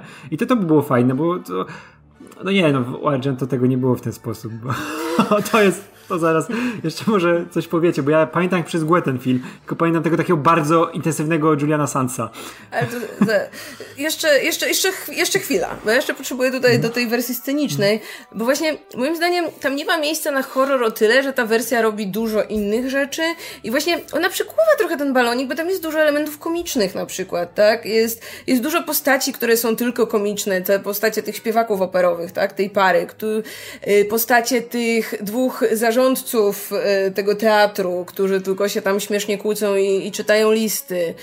I wydaje mi się, że, że no, że jakby ten musical nie traktuje się tak stuprocentowo poważnie. Ej. Także te, też te, wiecie, te wystawienia, które oni wystawiają w ramach tego, że są teatrem, tam oni celowo tańczą źle na przykład i to jest tam jest dużo zabawnych rzeczy też, które się dzieją na tej scenie. Ale to, moim zdaniem to nie przykuło w żaden sposób balonika. W sensie to są rzeczy, które dzieją się tam obok. Jakby, no, no wiesz, tu są śmieszne jest postacie. przedramatyzowany, ale, ale reszta nie. No, to jest właśnie... Nie no, też jakby y, masz jeszcze, y, jest Christine i Raul i tak no dalej. No tak, ten ich trójkąt miłosny, mega to jest poważne, dla nich nie? wielki dramat. A tam poza tym, hehe, w teatrze fajna praca. No właśnie znowu się ten aspekt horrorowy gubi zupełnie, nie? No bo no ludzie giną tutaj, pojawiają się, po, po, wiesz, powieszeni, ale whatever, nie? Śpiewamy, śpiewamy. Śpiewamy dalej. E, no i, ale, ale też w kontekście tego, o czym, o, o czym mówiliśmy, mm, jak ten upiór jest portretowany w tej, w tej, w tej wersji, no to też warto zaznaczyć, że potem pojawia się ten sequel, nie? Love Never Dies, gdzie w zasadzie wszystko to, co, co powiedzieliśmy do tej pory, no można wyrzucić za okno, nie? Bo się okazuje, że no nie, to jakby to nie jest tak, że, że, że ten upiór jest niedojrzały, czy coś takiego, czy że... Że nauczył się czegoś. Czy nauczył się filmie. czegoś, czy nie.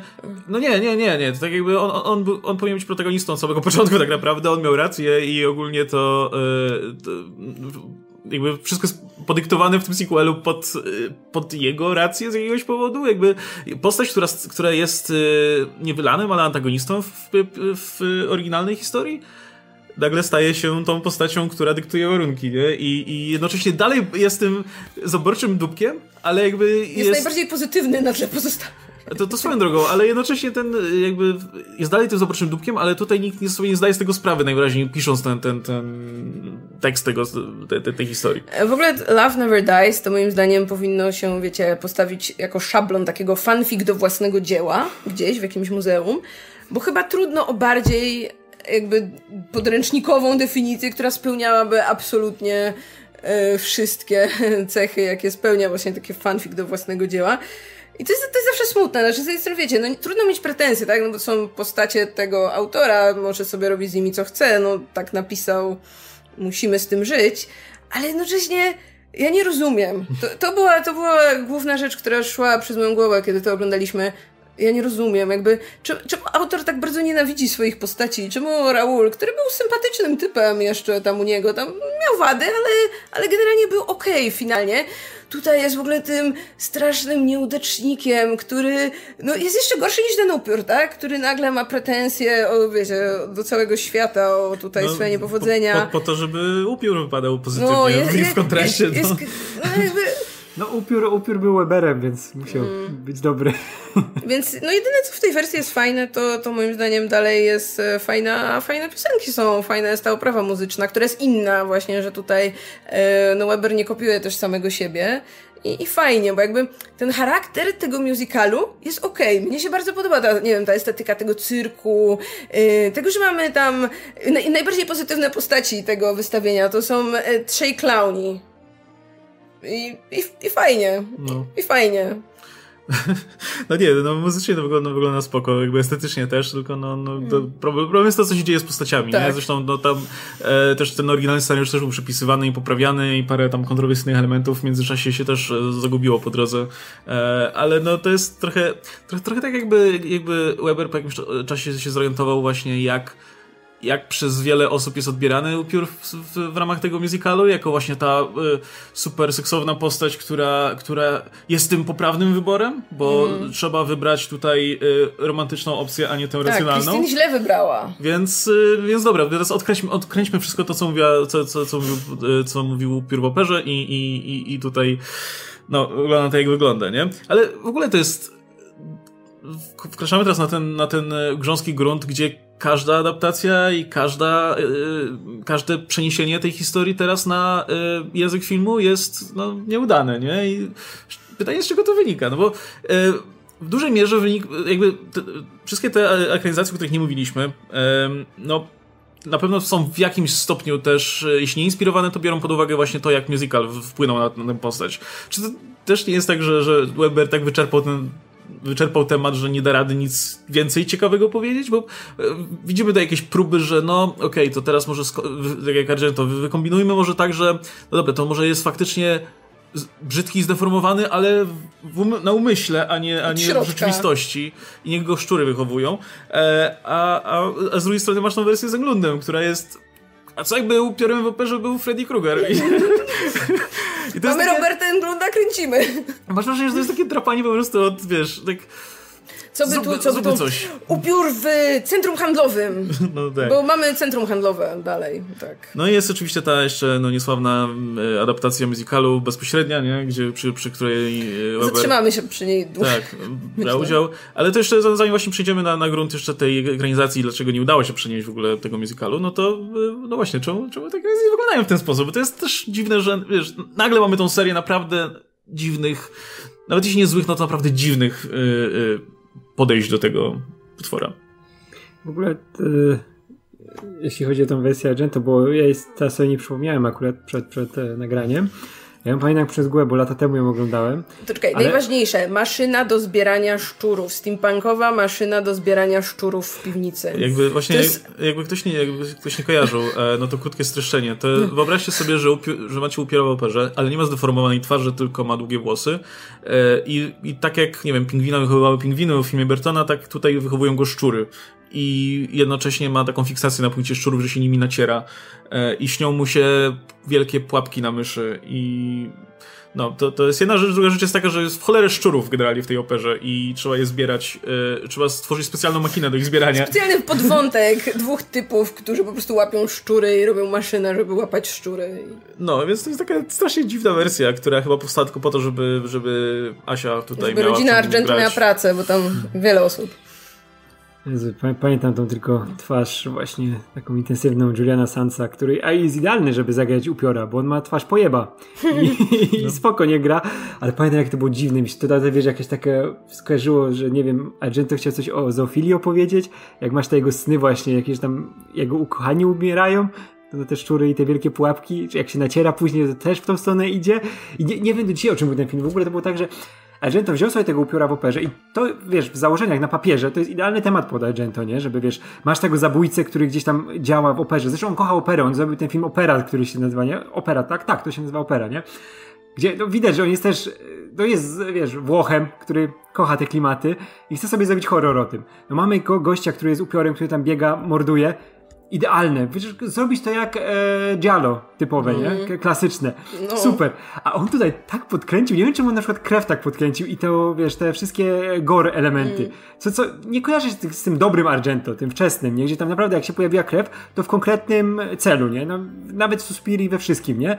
Miało być A tutaj, jak ten żyrandol spada, to nagle, wiesz, ludziom oczy wyskakują. Plask, no. Coś tam tak, jakieś, coś tam im jeszcze się tam łamie, leci, pełno posoki w każdej scenie. Ja mówię, kurczę, nie wiem, czy on miał jakiś trudny okres w życiu, że tak to zrobił. Nie wiem, do dzisiaj nie rozumiem tego filmu za cholerę. Oglądaliśmy dokument dzisiaj, yy, gdzie sam, sam mistrz Dario opowiadał o tym, jaki ma pomysł na ten film. Nic nie zrozumieliśmy, w sensie on tam mm. stara się tłumaczyć coś, ale, ale nic poza takim typowym... Mówi słowa, ale nic z nich nie wynika. No, że on tak... Yy, mówi o tych szczurach na przykład, skąd te szczury się wzięły, nie? I on mówi, że no, że no, upiór uosabia zwierzęcą stronę, e, która jest w każdym z nas, ale jednocześnie też ludzką stronę. I myślisz, no, no tak, nie? w takim razie spoko. Ale, ale dlaczego szczury w takim razie? Moim zdaniem ten upiór przede wszystkim właśnie idzie o krok za daleko z mm, z tą już taką seksualizacją, powiedzmy, postaci upiora, no bo właśnie u Webera, no to fajnie, jak to jest ten taki potencjalny romans, niebezpieczny typ, a u Argento to już jest takie, wiecie, no bez, bez patyczkowania się też, pewnie dlatego, że, że to Włosi, więc no nie dość, że mamy scenę seksu, to jeszcze mamy scenę gwałtu i scenę nacierania się szczurami. Więc jakby czemu? Czemu ten film jest taki właśnie niepokojący seksualnie. O co chodzi? Podoba mi się to, że, że we Włoszech jakby ni, ni, dla nikogo, najwyraźniej dla nikogo nie było to dziwne w trakcie pracy nad tym filmem, że Dario Argento reżyseruje scenę gwałtu z udziałem własnej córki w tym wypadku i szczurów i, i, i typa, który się tymi szczurami naciera. To jest... I który potem dalej jest tą postacią, która ma budzić współczucie. To nie to, że od tego no. momentu właśnie on już jest taki, wiecie, ten point of no return, to już jest nasz wilan. Nie, ona na końcu tam płacze rzewnie, jak on umiera. Ja myślę, że on po prostu... Wydaje mi się, że on po prostu chciał wziąć ten wizerunek upiora i jakby trzymając się dalej tego, tego że, że to jest oparte jednak na jakiejś wzajemnej fascynacji, to jednak z, zwrócić go da, jednak w kierunku tutaj e, właśnie żeby jednak był bardziej bestią niż, niż wiesz, niż, niż kochankiem, nie?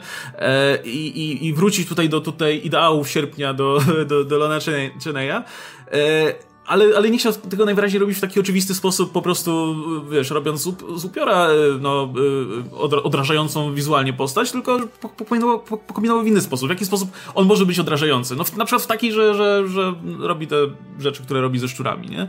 Tylko, że no, to jest, to, to jest, fajne, to jest fajne na papierze. Mi się, wydaje mi się, że na papierze to by to by działało, to znaczy, że faktycznie pójdźmy w tę stronę, pokażmy, pokażmy, że to nie jest do końca normalny gość, w sensie, z którym faktycznie można by mieć związek jakiś dłuższy. No nie, to jest gość, który po prostu siedzi w tych podziemiach i jasne, to się może wydawać fascynujące, taka właśnie y, zwierzęcość i taka właśnie, wiecie, y, y, bezkompromisowość i tak dalej tej postaci, ale na dłuższą metę to, to, to, to, nie ma sensu, nie?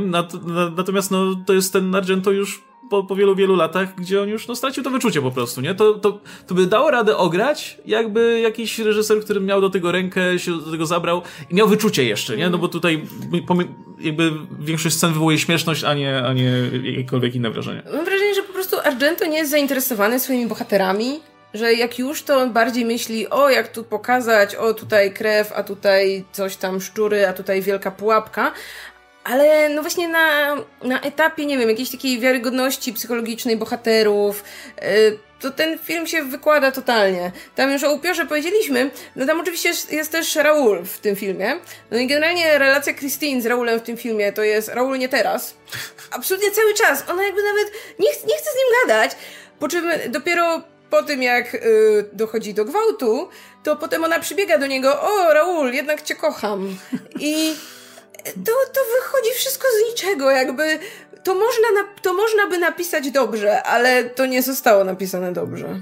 Kurczę, to jest jednak ta przypadłość tych wszystkich reżyserów horrorów, którzy e, wchodzą w nowe czasy, już w latach 90. wchodzi w lata 2000 i to widać, że on ma straszną trudność, że chce iść z duchem czasu, chce coś nowego pokazać, dostosować się, ale no no nie, nie wychodzi mu to, nie? Że to nie są jego klimaty. Kurczę, pamiętam jak zrobił to Dracula 3D. To się, tak, Dracula 3D chyba nazywało. Tak. Ja myślę, że jeszcze będzie okazja kiedyś o tym. Tak, tak, tak, ale to, to już był, wiesz, moment, kiedy mówię, nie, no to już Dario nie zrobi arcydzieła żadnego, nie? Już będziemy go pamiętać z tych klasyków.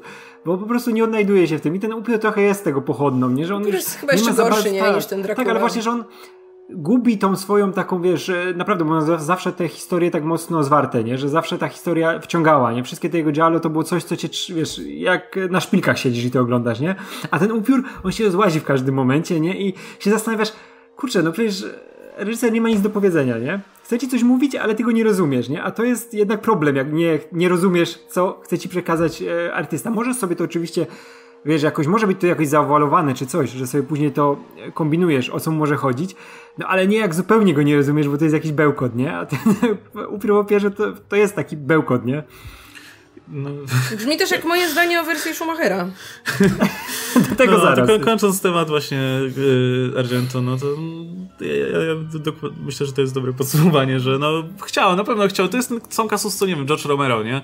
Który, który dalej jakby jak, jak George Romero kręcił swoje filmy o zombie w latach 2000, to on dalej miał tam jakiś pomysł na to, dalej miał dobre intencje na pewno, ale te filmy już po prostu nie miały tego wyczucia i widać było, że yy, film już poszedł w jedną stronę, a, on został tutaj z tymi swoimi zabawkami, które już są przestarzałe, nie? I przy Argento też to, też to widać. Bardziej, że to nie jest tak, że nagle po prostu się zepsuł. To jakby już to, ta gradacja tutaj tak, tak, tak. E, e, trwała, nie? Od, od jakiegoś czasu. Tak, że wiesz, że wiesz, co chcę powiedzieć, ale nie widzisz tego zupełnie w filmie, nie? No, ale myślę, że lepiej jakby opowiedział to po prostu na jakimś wykładzie i, i mm. To się lepiej skończyło. Też wiecie, nie, przy tym upiorze Argento, no to po tym krótkim dokumencie właśnie, który oglądaliśmy, to tam chyba nikt za bardzo nie wiedział, po, po, po co to robimy. Tam wszyscy ci mówią, tak, tak, y, przyszedłem, bo tu miałem kręcić z wielkim reżyserem, Dario Argento. I, i to jest absolutnie tyle, co w sumie są w, sta- są w stanie powiedzieć. Operator mówi, no było ciekawie, były wyzwania, nie? Jakby... No to brzmi jak grzeczna odpowiedź, y, co, co myślisz no. o swojej poprzedniej współpracy. I jakby nikt chyba, albo nikt, nikt nie rozumiał chyba te, tego, co, co tam ma się w tym filmie zadziać i i tak, no, koniec końców, to tak nikomu nie zależało, tak? No bo jeśli aktor, nie wiem, aktor nie rozumie w sumie, co ma zagrać, no to, no to co ma zrobić, nie? No, no, no ale generalnie tej, tej, tej wersji nie, nie, nie polecamy. Znaczy polecamy, bo ona jest tak zła, że, że warto ją obejrzeć. No, może, może faktycznie. E, no dobra, to jeszcze została, pogadajmy w takim razie na, na, na, na sam koniec o tej... O tej wersji, która w zasadzie ma wrażenie, że jeśli ktoś szuka czegoś z upiorem w operze, no to jest pierwszą rzeczą, którą pewnie trafi. Bo... Którą może widział którą może widział, na którą pewnie trafi, no bo trudno, trudno w tym momencie, nie wiem, dostać się do, do niemego filmu z Lenem Chenejem. E, wiadomo, że też e, wiele osób e, czuje jakąś taką barierę, żeby się za musical zabrać, a to jest film. I to w przystępnej formie zrobiony przez hollywoodzkiego reżysera z dużym budżetem, ze znanym aktorem w roli głównej. No, z twórcą w ogóle musicalu, tak, który jest, jest tam, wiecie, odpada... wiodącym nazwiskiem, nie? Jego. Tak, tak. chciał. To jest i z Jackiem Blackiem.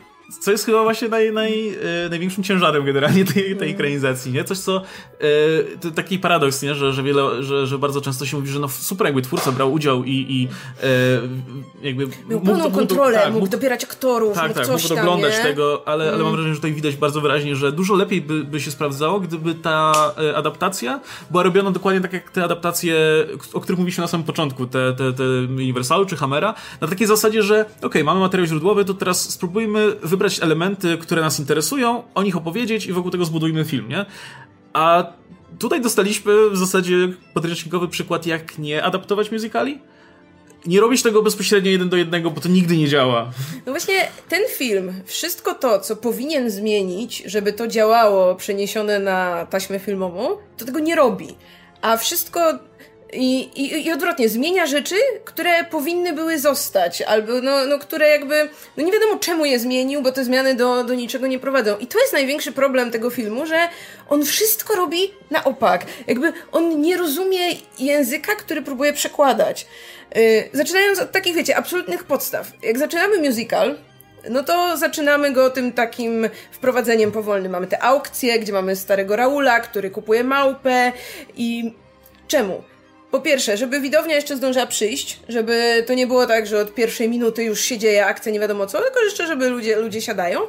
I dwa, dlatego, że później to stopniowe odkrywanie tych rekwizytów i ten moment, jak wciągamy żyrandol i zapalamy światła, no to jest w ogóle wielki, fantastyczny moment, kiedy ta scena zaczyna powstawać na naszych oczach. Jakby wiemy po co to tam jest. To jest jako to narzędzie narracyjne w teatrze. Jakby to, to nie wraca później, ale nie musi, tak? No jakby tutaj to spełniło, spełniło to swoją funkcję. Ale to jest też coś, co po prostu robi wrażenie tylko w teatrze, nie? No bo no tak, to, że, że, to, na twoich oczach ten żyrandol się wciąga, tak, nie? no to, że żyrandol, wiesz, Mm. wlatuje i, i, i, trafia na swoje miejsce, no jak siedzisz w teatrze, no to okej, faktycznie robi wrażenie. Mm. Jak oglądasz film, to nie jest, to jest coś, co można zrobić bez problemu, nie? Więc zacząłem się zastanawiać, to w takim razie po co jest ten wstęp? No właśnie, I nie, I nie ma odpowiedzi na to. Mało tego, ten wstęp jest przecież rozbudowany. Potem są te epizody w trakcie filmu, no, gdzie... do niczego Gdzie nie jedno jest na przykład reklamą Swarowskiego. W ogóle, w ogóle c- czemu, czemu to narzędzie zostało w filmie? Jakby w tej, tej początkowej sekwencji, jakby w niezmienionej formie, gdzie mamy, wiecie, ten CGI, yy,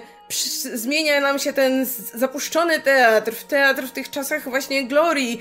To w ogóle nie działa. Wiecie, mamy najazdy na jakieś dziwne posągi i... mm, O, o co chodzi? Jakby właśnie widać, to jest ten moment, kiedy widzisz, że twórca nie rozumie, co robi. No, było tak na scenie, no to hej, zrobię tak, nie? No tak w filmie, no. Zro, zrobię tak w filmie i, i dalej to już leci. I to jest też pod tym względem widać, że to, to jest najbardziej przykre, że generalnie to jest, to jest ta ostatnia adaptacja z naszej perspektywy, która w ogóle nie bierze, jakby nie uczy się zupełnie na swoich poprzedniczkach, nie? Jakby, no, adaptuje tylko ten musical i tyle, ale nie, nie, właśnie nie uczy się tego, że na przykład y, tę historię o upiorze można było pokazywać w wiele różnych, y, na masę sposobów, nie? Bo, bo mieliśmy już i, i upiora horrorowego, i upiora bardziej romantycznego, i upiora, który jest bardziej pozytywny, i, i tutaj tak bohaterów pokazano, i tutaj tak, i, i wiesz, nagle przychodzi, przychodzi Weber z Schumacherem i, i stwierdzają, kurczę, to, chy- to zróbmy tak, jak jest w musicalu, dokładnie, bo nie możemy niczego zmienić, nie? Właśnie to by było dobre o tyle, no że jednak jeszcze zwłaszcza wtedy musical, no to jednak było tą formą ograniczoną dla osób, które mieszkają w odpowiednim mieście i tak dalej. No teraz można sobie kupić Blu-ray e, albo pan Weber udostępniał za darmo na swoim YouTube nie tak dawno temu, ale generalnie zakładam, że wtedy to nie było opcją, zwłaszcza, że oni no rozmowy o ekranizacji zaczęli bardzo szybko, zaczęli jeszcze e, pod koniec lat 80. i no pierwotna, pierwotne założenie było w ogóle takie, że właśnie ta, ta obsada Sarah Brightman i Michael Crawford zagrają główne role. E, to się nie wydarzyło, bo nastąpił rozw- rozwód i się nie dogadali w tej kwestii e, małżonkowie. E, i wiecie, gdyby ten, ten jakby ta filmowa adaptacja moim zdaniem stwierdziła, dobra, to przenosimy to, co było w musicalu, do filmu, żeby ludzie poznali właśnie tę wersję, tę historię romantyczną, to moim zdaniem to by było okej. Tylko, że ten film nie robi tego kompetentnie, bo jakby brakuje tu znowu tych elementów, które powinny działać, żeby to był ten fajny, angażujący romans y, z tymi wszystkimi elementami, które działają w musicalu, które wymienialiśmy wcześniej. No poczynając oczywiście niestety od Gerarda Butlera. Y, który jest moim kryptonitem od lat, jeśli chodzi o powód. Wszędzie. Nie, ja, ja, ja, ja bardzo lubię Butlera, szczególnie to, że on no nie jest dobrym aktorem, ale ja to cenię. Ja cenię, cenię dużo jego filmów, wiesz, Gamera, to gdzie ratuje prezydenta, to gdzie ratuje świat przed y, czymś tam, przed... pewnie a, nawet przed egipskich bogów. Tak, przed y, Geostormem, o, to ratował świat przed Geostormem, tak. Tak, tak, tak. Jezu, na, w IMAXie na tym byłem, straszne. Ale no, ja bardzo cenię Gerarda Butlera, bo on jest takim, takim, takim gościem, którego sobie nie wyobrażam w życiu, żeby zagrał upiora w operze, a tutaj zagrał upiora w operze, nie? I jeszcze śpiewał. A Gerard Butler, no nie jest zbyt utalentowany, jeśli chodzi o możliwości wokalne, nie? I teraz jak sobie to przypominałem, to to była taka rzeźnia, żeby wytrzymać. A oni tam cały czas śpiewają, bo to jest muzyka, tak jak mówicie, jeden do jednego przeniesiony. I on cały czas śpiewa, on nie mówi, on tylko śpiewa i no jest to bolesne. A przy tym film jest tak naprawdę momentami tak piękny, bo to jest Schumacher. Jak mamy to, jak oni pierwszy raz płyną e, tą łódką do tego jego właśnie tamtego tego, łożys, tego łożyska chciałbym zjeść. Łożyska? Tego Lego, legowiska, To przepraszam. pewnie. Płyną razem do łożyska. Do tego, tego, tego leża, legowiska jak płyną, nie? I nagle masz te takie Gotham City się robi, nie? Że masz te, te, te posągi wielkie i wszystko, nie? Mówię, fajnie, ale później zaczyna śpiewać Butler i do widzenia. Właśnie to nie działa moim zdaniem nie tylko dlatego, że wiecie, no kiepsko się tego słucha, nawet dla kogoś nieobeznanego w muzyce, ale dlatego, że to nie działa narracyjnie, bo bardzo ważnym elementem w musicalu jest to, że on ma być tym mistrzem muzyki, że on mają uczyć śpiewania i to, że oni mają dobrze razem brzmieć. I jak tego elementu nie ma, to, to, to, to nagle wszy- wszystko, to, to wszystko nie ma sensu. Ale- Też y, jeszcze tylko dodam, y, wiecie, ten brak jakiegoś właśnie takiego seksualnego napięcia tutaj w tym filmie, jakby to za bardzo nie ma. No to... Tutaj jest jeszcze bardziej podkreślone to, że to jest tata, tata nauczyciel, który y, Jest- instruuje to- to- swoją podopieczną nieletnią, jak, jak ma śpiewać. Są te sceny na cmentarzu, które ja wiem, że są, są w książce i, i, i tak dalej. A, a... No i w ogóle, mm, jeśli chodzi o, o wybór Jareda Butlera, no to mm, można tutaj zadać pytanie, jak do tego doszło, jeśli faktycznie nad tym, y, nad tą adaptacją pracował no, twórca musicalu, A ja nie? wiem. Ja wiem, bo ja to doczytałam. No- No, więc y, y, generalnie Weber chciał trochę innego podejścia do tej roli, czyli właśnie, żeby to nie był taki, wiecie, ten powiedzmy śpiewak operowy, tylko żeby to był taki bardziej rough I typ. to jest super pomysł generalnie. I jego typem był Hugh Jackman. Tylko, że jak do niego zadzwonili, to się okazało, że Hugh Jackman już nie może, bo robi coś tam. Więc generalnie to Hugh Jackman zepsuł nam ten film. Nie. no. Ale O, a Hugh Jackman słuchajcie, potrafi i śpiewać. I wtedy wchodzi Schumacher i mówi, że on chce Butlera, bo widział Drakulę 2000. Autentycznie. Schumacher powiedział, ja chcę trolling, Butlera. To jest Tylko- ogóle, tylko- Ja O. chcę tego typa. Butler nigdy w życiu nie śpiewał. Przyszedł, bie, bierzemy, bierzemy. W Drakuli byłeś świetny. Co? Jakby, To jest totalnie coś, co wiem, że mógł zrobić Schumacher, nie? Że tak, Dracula 2000, ja chcę tego typa. Jestem jedyną osobą, która zobaczyła Dracula 2000 i chcę tego typa. Tak jak chciałem Clooney'a na Batmana. Moje wybory są idealne. no i, no i wiecie, jakby ja jakby rozumiem to takie podejście, że to miał być właśnie typ, który trochę inaczej śpiewa, który właśnie tu może miał mieć taką, wiecie, to bardziej rough, to, że właśnie on jest tym niebezpieczeństwem, także wiecie, nie wiem, będzie jakimś rockmanem czy kimś takim. Kurde, no wyszedł Gerard Butler, nie? Znaczy, no, w, może, może chcieli wrócić do tego oryginalnego konceptu, gdzie tam w e, pierwszej wersji no, upiorem miał być Steve Harley, nie? który ma No, ale umiał taki bardziej, śpiewać, nie? Ale miał taki bardziej No, rockowy głos, no tak, nie? tak, nie, tak. nie operowy. Co mi się szczerze mówiąc bardziej No. podoba i, i bardziej według mnie pasuje też do tej gotyckiej historii. E, ale mam wrażenie, że właśnie te, to tłumaczenie, e, które tutaj e, przytoczyłaś, to, to, to trzyma się kupy, nie? No bo e, okej. ch- do- Chcę, żeby to był inny, un, inny upiór, żeby to już nie miało tej takiej, e, powiedzmy, żeby to nie było takie operowe na przykład, nie? Żeby faktycznie to była postać, która jest trochę taka bardziej tutaj grubo ciosana i, i, i, i e, e, bardziej szorstka i... Ale to by musiało mieć jakieś odzwierciedlenie i wzorowanie w fabule, a nie ma. To jakby dalej ta relacja jest taka, jaka była, to znaczy, no, tata nauczyciel, a jednocześnie tata nauczyciel, który jeszcze nie umie śpiewać. I to jest, Mm. e, wiesz, w musicalu to jeszcze, to jeszcze działało, no bo faktycznie widzisz tego typa i widzisz, że on potrafi śpiewać, plus y, ma jednak... Czujesz ten autorytet jego, nie? Jakby, że to jest ten typ, który... y, y, Tu rządzi. no, to jest typowy grooming, tak? Znalazł sobie tą Christine i on teraz ją sobie wychowuje do, do, do tego, żeby, żeby mu śpiewała, nie? E, natomiast no, w tym ten, wbija ten Butler, który, który nie ma w ogóle tej charyzmy w tym stylu, nie? On ma taką charyzmę tego typa, który właśnie został urządlony w twarz i teraz cierpi i drzeryja. Takiego i... koksa z Pragi, no, No jakby, tak, sorry. tak. Wiesz, i, i zupełnie ta relacja nie działa w ten sposób, no bo to nie jest gość, który w tym momencie potrafiłby uwieść kogoś swoim śpiewem, Właśnie- niezależnie nawet od tego, jak śpiewa, ale nie czujesz od niego tego, nie? Że, że, że, że No nie czujesz tego uwodzenia w ogóle, mimo że później oczywiście są te sceny, jak on cierpi, tak? Jest to kuriozalnie długie ujęcie, jak on cierpi, po tym jak Christine i Raoul wyznali sobie Na- na miłość dachu na, na dachu, u, tak? Gdzie Schumacher co chwila przypomina nam, że o, upiór tu siedzi, o, popatrzcie, tu siedzi, podgląda i potem jest to takie boleśnie długie zbliżenie na twarz Butlera, które No, nie, no, nie, tylko nie wiadomo czemu służy, więc jakby, no widać, że on cierpi z tej miłości, ale jakby on tego nie gra, tu jakby, no nie ma tego, tego pożądania tej gry, gdzie właśnie oni też tymi piosenkami się uwodzą. I nie tylko dlatego, że Butler nie umie śpiewać, ale też dlatego, no, że no ci aktorzy w ogóle nie grają do siebie, no jakby...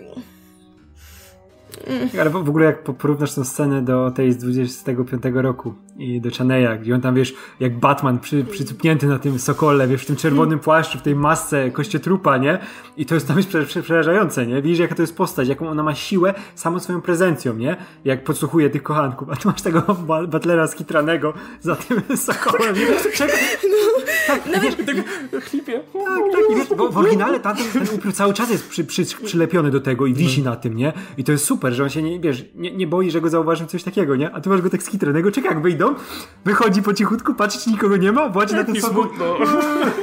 w wersji scenicznej to działa, no bo jakby tam w ogóle jest inne rozmieszczenie tego też w przestrzeni, tak? On się tam pojawia wtedy jeszcze nad nimi, w ogóle z tymi swoimi organami i tak dalej, tam już po prostu już zawodzi po, po, po, po upiorowemu.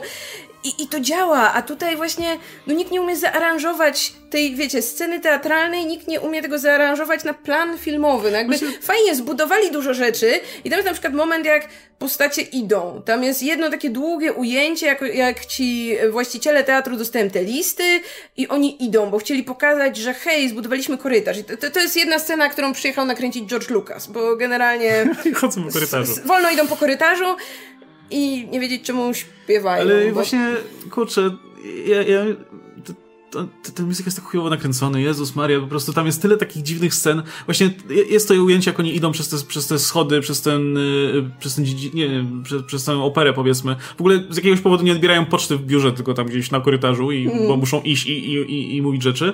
Ale tam, tam jest na przykład to, jak, jak leci ta piosenka Angel of Music i, e, i jest Meg i, i, i Christine i one też idą przez 15 minut przez jeden korytarz i, i wiesz, i widzisz tego, Schumachera, widzisz tego jak tak stoi, nie? I tak idealnie, nie? I teraz 15 minut, lok, nie? I, i, i nie róbmy z tym absolutnie nic.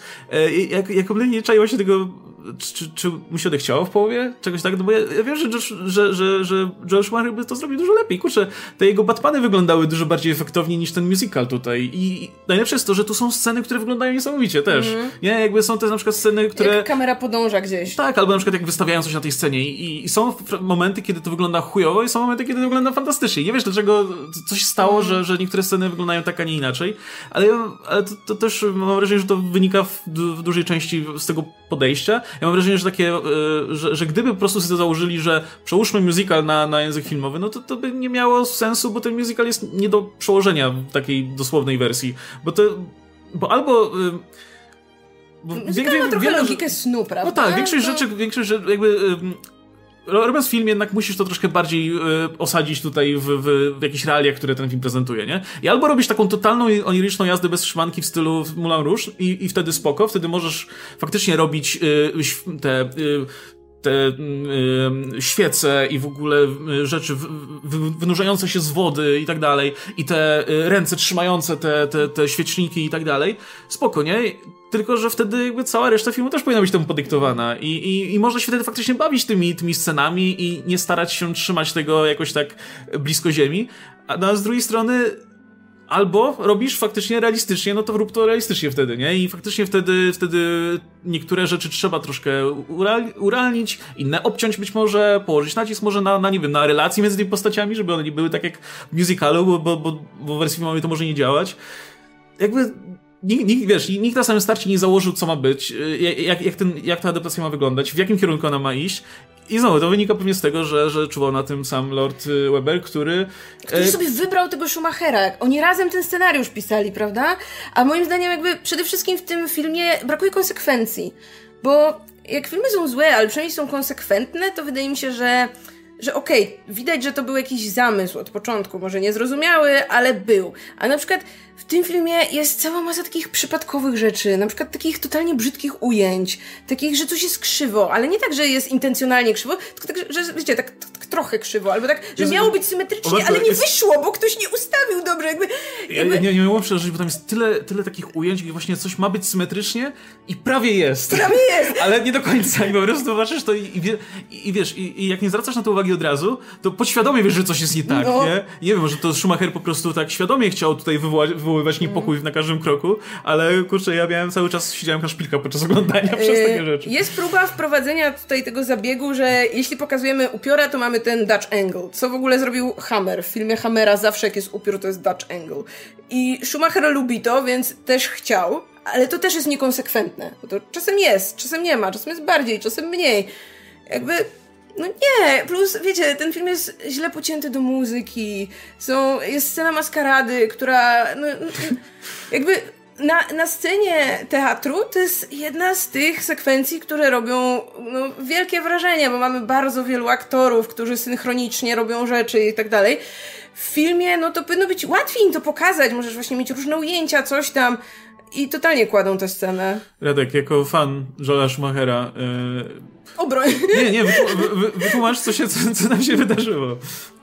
No, wiesz, wydaje mi się, że właśnie Schumacher ma te momenty, kiedy chce iść w Schumachera, nie? Kiedy czuje, widać, że ma jakiś pomysł na tą postać, nie? I wiesz, jak on by to zrobił po swojemu, tak jak zrobił w tej wersji Batmana, nie? Że wszyscy od niego oczekiwali, że to będzie, o, był, był e, ten Tim Burton, nie? I teraz dalej pewnie będą szli w tą stronę. Nie, wszedł Schumacher, powiedzieli mu, że zabawki sprzedać, to on to zrobił po swojemu i zrobił tą, wiesz, tą super e, e, LBGT wersję Batmana i Robina i Batmana Forever, nie? Kocham to. I to był jego autorski projekt i uważam, że to po latach będzie, wiesz, naprawdę wspominane w taki sposób, wiesz, odkrywane na nowo, nie? Jako ciekawe kino.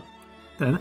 I tutaj też widać, że on próbuje uciec do tego musicalu w niektórych scenach, w niektórych ujęciach, które są jego, ale zaraz musi wracać w te, wiesz, w te kolejny, które tam stoi nad nim gdzieś ten Weber, nie? I no może nie, może coś tam, wiesz, uważaj. To była nie? taka scena, to zostaw, nie? Tak, tak, tak. I wiesz, i to nawet widać po e, też graniu Butlera, który no, on jest tym klocem, nie? Który wiemy, że to, to, Dobra, będzie inna wersja tego upiora, nie? Że on jest wielki, jak taki e, gość keyboard jakiś, który nagle przyjechał tam z Wielkiej Brytanii i będzie im pokaże im, jak się gra, nie? Coś takiego. Ale też widzisz, że on cały czas próbuje robić tego muzykalowego upiora, nie? I to wychodzi tak sztucznie, nie? Tak do siebie nie pasuje, nie? Że jest tym wielkim chłopem, którego myślisz, że będzie inaczej grał, a on próbuje ci małpować tego z muzykalu, nie? I, I to, to samo robi Schumacher, świecznikami, nie? nie? W ogóle. Tak, tak, tak. I wiesz, i to samo robi Schumacher, nie? Że chce pokazać coś swojego, chce pokazać, że to jest jego film, bo wiemy, że tak Schumacher ma w każdym filmie, nie? Że wiemy i Failing Down, właśnie te Batmany, e, Lost Boys, nie? Tam widać autorski sznyt, nie? I to jest, to jest naprawdę dobry reżyser, niedoceniony do dzisiaj.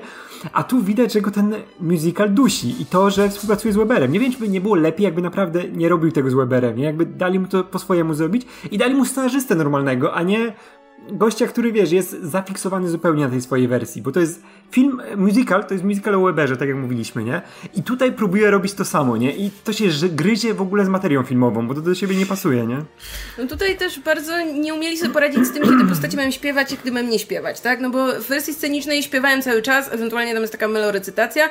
W filmie są momenty, kiedy po prostu postacie mówią. I to by było okay, że na przykład, nie wiem, pozbędziemy się części utworów i tak dalej, ale to też znowu, to jest totalnie niekonsekwentne, jakby nie ma żadnego pomysłu na to. Moim zdaniem można było na przykład spokojnie to ograć tak, że nie wiem, e, Christine i Upiór do siebie śpiewają czy coś i to jest, y, nie wiem, i to co się wystawia w teatrze jest na przykład śpiewane, a jak już właśnie, nie wiem, dwóch panów z teatru dostało listy, no to mogliby to po prostu przegadać i byłoby szybciej. No nie, I ale, by się tutaj nie stało. Ale, ale Weber stwierdził, lubię ten kawałek, nikt tak. nie zostanie tutaj. A są momenty, kiedy ta piosenka powinna być i nie ma. I ty nie roz... jakby najgorsze jest to, że nie rozumiesz. Nie rozumiesz, czemu w tym momencie ktoś podjął taki wybór i naj... no jakby odpowiedzią, która się nasuwa jest, że przypadkiem, że to nie jest właśnie tak, że ktoś się zastanowił nad tym co tu zrobić? No, no tak, tak wyszło, no tu nie wiem, Weber nut nie dał, no to mówili, tak? No, najbardziej przykre jest to, że, że, że myślisz sobie, że kurczę, akurat Joel Schumacher to był gość, który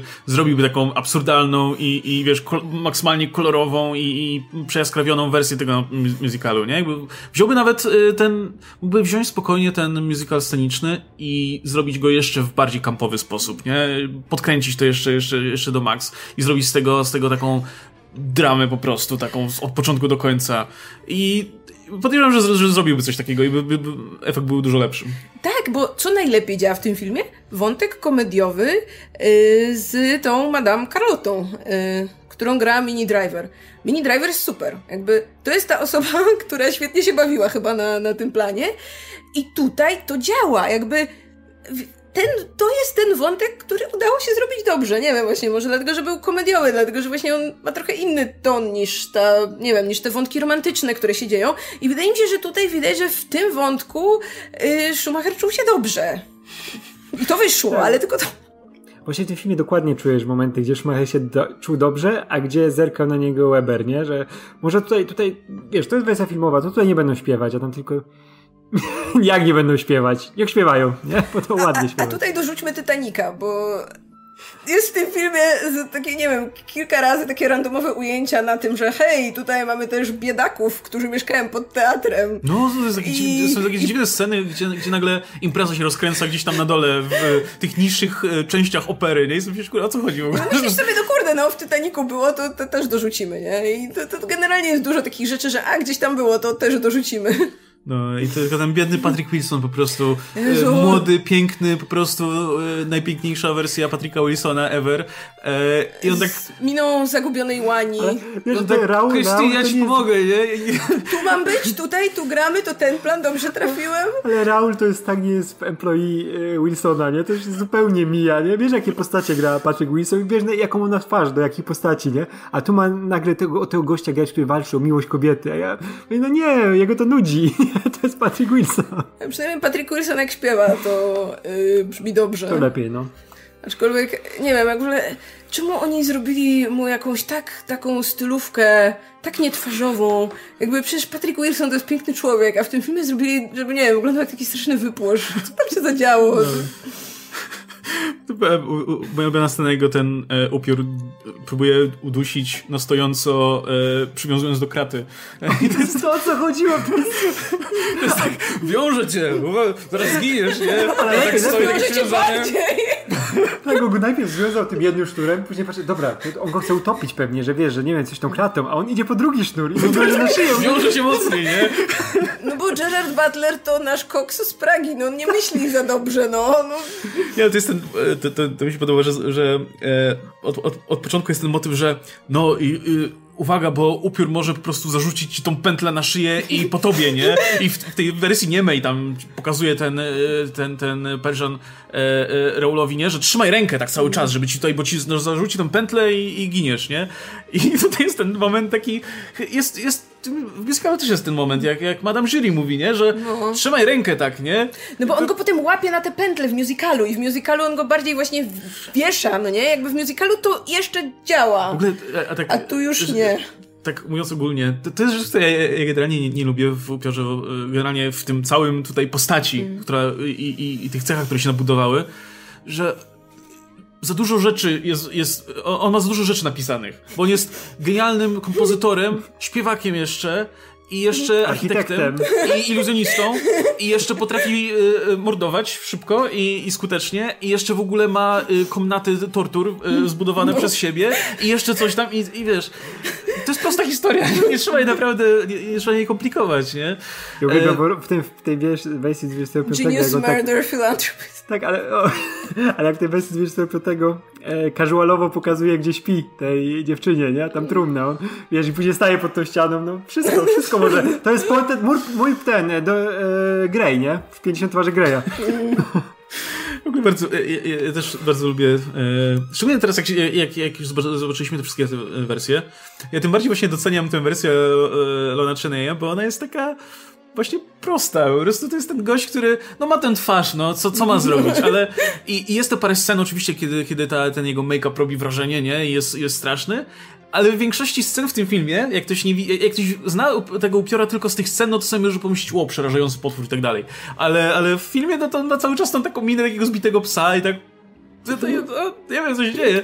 E, I cudowne jest też to, że on go gra w taki bardzo przerysowany sposób. Każda reakcja to jest po prostu takie, wiesz, trzy razy bardziej, nie? Żeby, żeby tutaj... pewnie, że był film niemy, nie? No tak, tak taka specyfika. Ale wydaje mi się, że, że i tak tutaj e, jakby bardziej się to rzuca w oczy ja, ja przez to dużo bardziej kupuję tego upiora, który po prostu wiem o co mu chodzi, wiem, że ma proste motywacje i, i wiem jaki ma problem, no niż tych późniejszych, gdzie, y, gdzie, gdzie to, te, te, te, te warstwy kolejne nadbudowują kolejne i że on że, i, i y, był w tym y, w cyrku jako jeden z tym... No Schumacher dodaje, nie? Tak i... Bo trzeba mu dopisać... Trzeba że... backstory małpie dopisać. Trzeba dopisać, żeby wiecie, ludzie wiedzieli skąd jest ta małpa, to trzeba dopisać.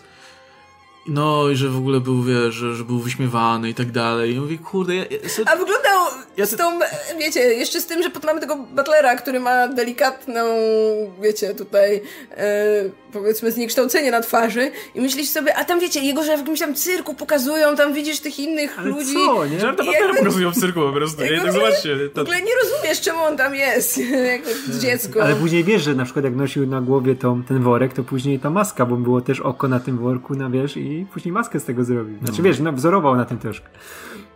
Po co to? Po co to dodawać? Nie wiem, właśnie... Ja uwielbiam, uwielbiam w tej wersji z Ryansem, jak tej yy, wytłumaczenie maski. No bo mieli takie maski w teatrze, on wziął pierwszą lepszą No, pierwszą lepszą po prostu, nie? To jest, to jest, to jest najlepsze.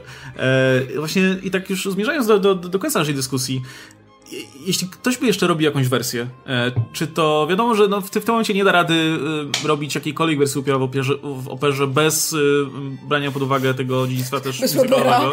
na plecach. No, ale, ale no, no, jak jeszcze Dark Universe nie, nie, nie, nie znalazło się w trumnie, no to była mowa o tym, że no, może też, też, też zrobią wersję, nie? Więc może są jakieś szanse, że, że ktoś się za to zabierze, nie? W wersji filmowej chociażby. Ja bym bardzo chciał, że po prostu e, jakby bardzo często jest tak na przykład e, z, nie wiem, seriami gier czy filmów, że jak nabudowują elementów, to zawsze jest w którymś momencie ten moment, kiedy trzeba przyjść, zrobić ciach, zostawić te podstawowe rzeczy zaczynamy od nowa, nie? Ja bym bardzo chciał, żeby ktoś zrobił to teraz z, to, z tą historią, bo, bo, bo y, na przestrzeni lat mamy te rzeczy, które musical wniósł, które tam kolejne adaptacje wnosiły y, i nawet, nawet ten Schumacher wniósł jakieś kolejne nowe rzeczy do tej, do tej swojej historyjki y, ja bym chciał właśnie, żeby ktoś po prostu znowu wziął taki destylat tego, tego co jest fajne w tej postaci, co mnie interesuje konkretnie twórcę e, i, i, po prostu oparł na tym historię. I niech to, będzie, niech to będzie romans, jeśli chce, to spoko. Jeśli, niech to będzie horror, ale niech to będzie, wiesz, podyktowany już od samego początku temu, temu nie? Bo tak jak masz te historie o które próbują być horrorowe, ale jednocześnie zaczynają się od genezy tego, że dostał kwasem w głowie, y, po, po, po twarzy, nie? I co ci zabija w ogóle ten cały element y, tego suspensu, kto to robi i, i, i jaka jest tajemnica i tak dalej. Mam wrażenie, że kurczę, no to, to trzeba by zrobić po prostu od samego początku i, i prostymi środkami. Więc y, Jason Bloom, tak, jedyna, jedyna osoba, która tutaj może coś, coś, coś w tym temacie zrobić, niech weźmie kogoś, kto, kto to za, za małe pieniądze zrobi historię po prostu o, o jakimś zaborczym, dziwnym typie, który siedzi w piwnicy i wykorzystuje jakąś e, naiwną, młodą dziewczynę.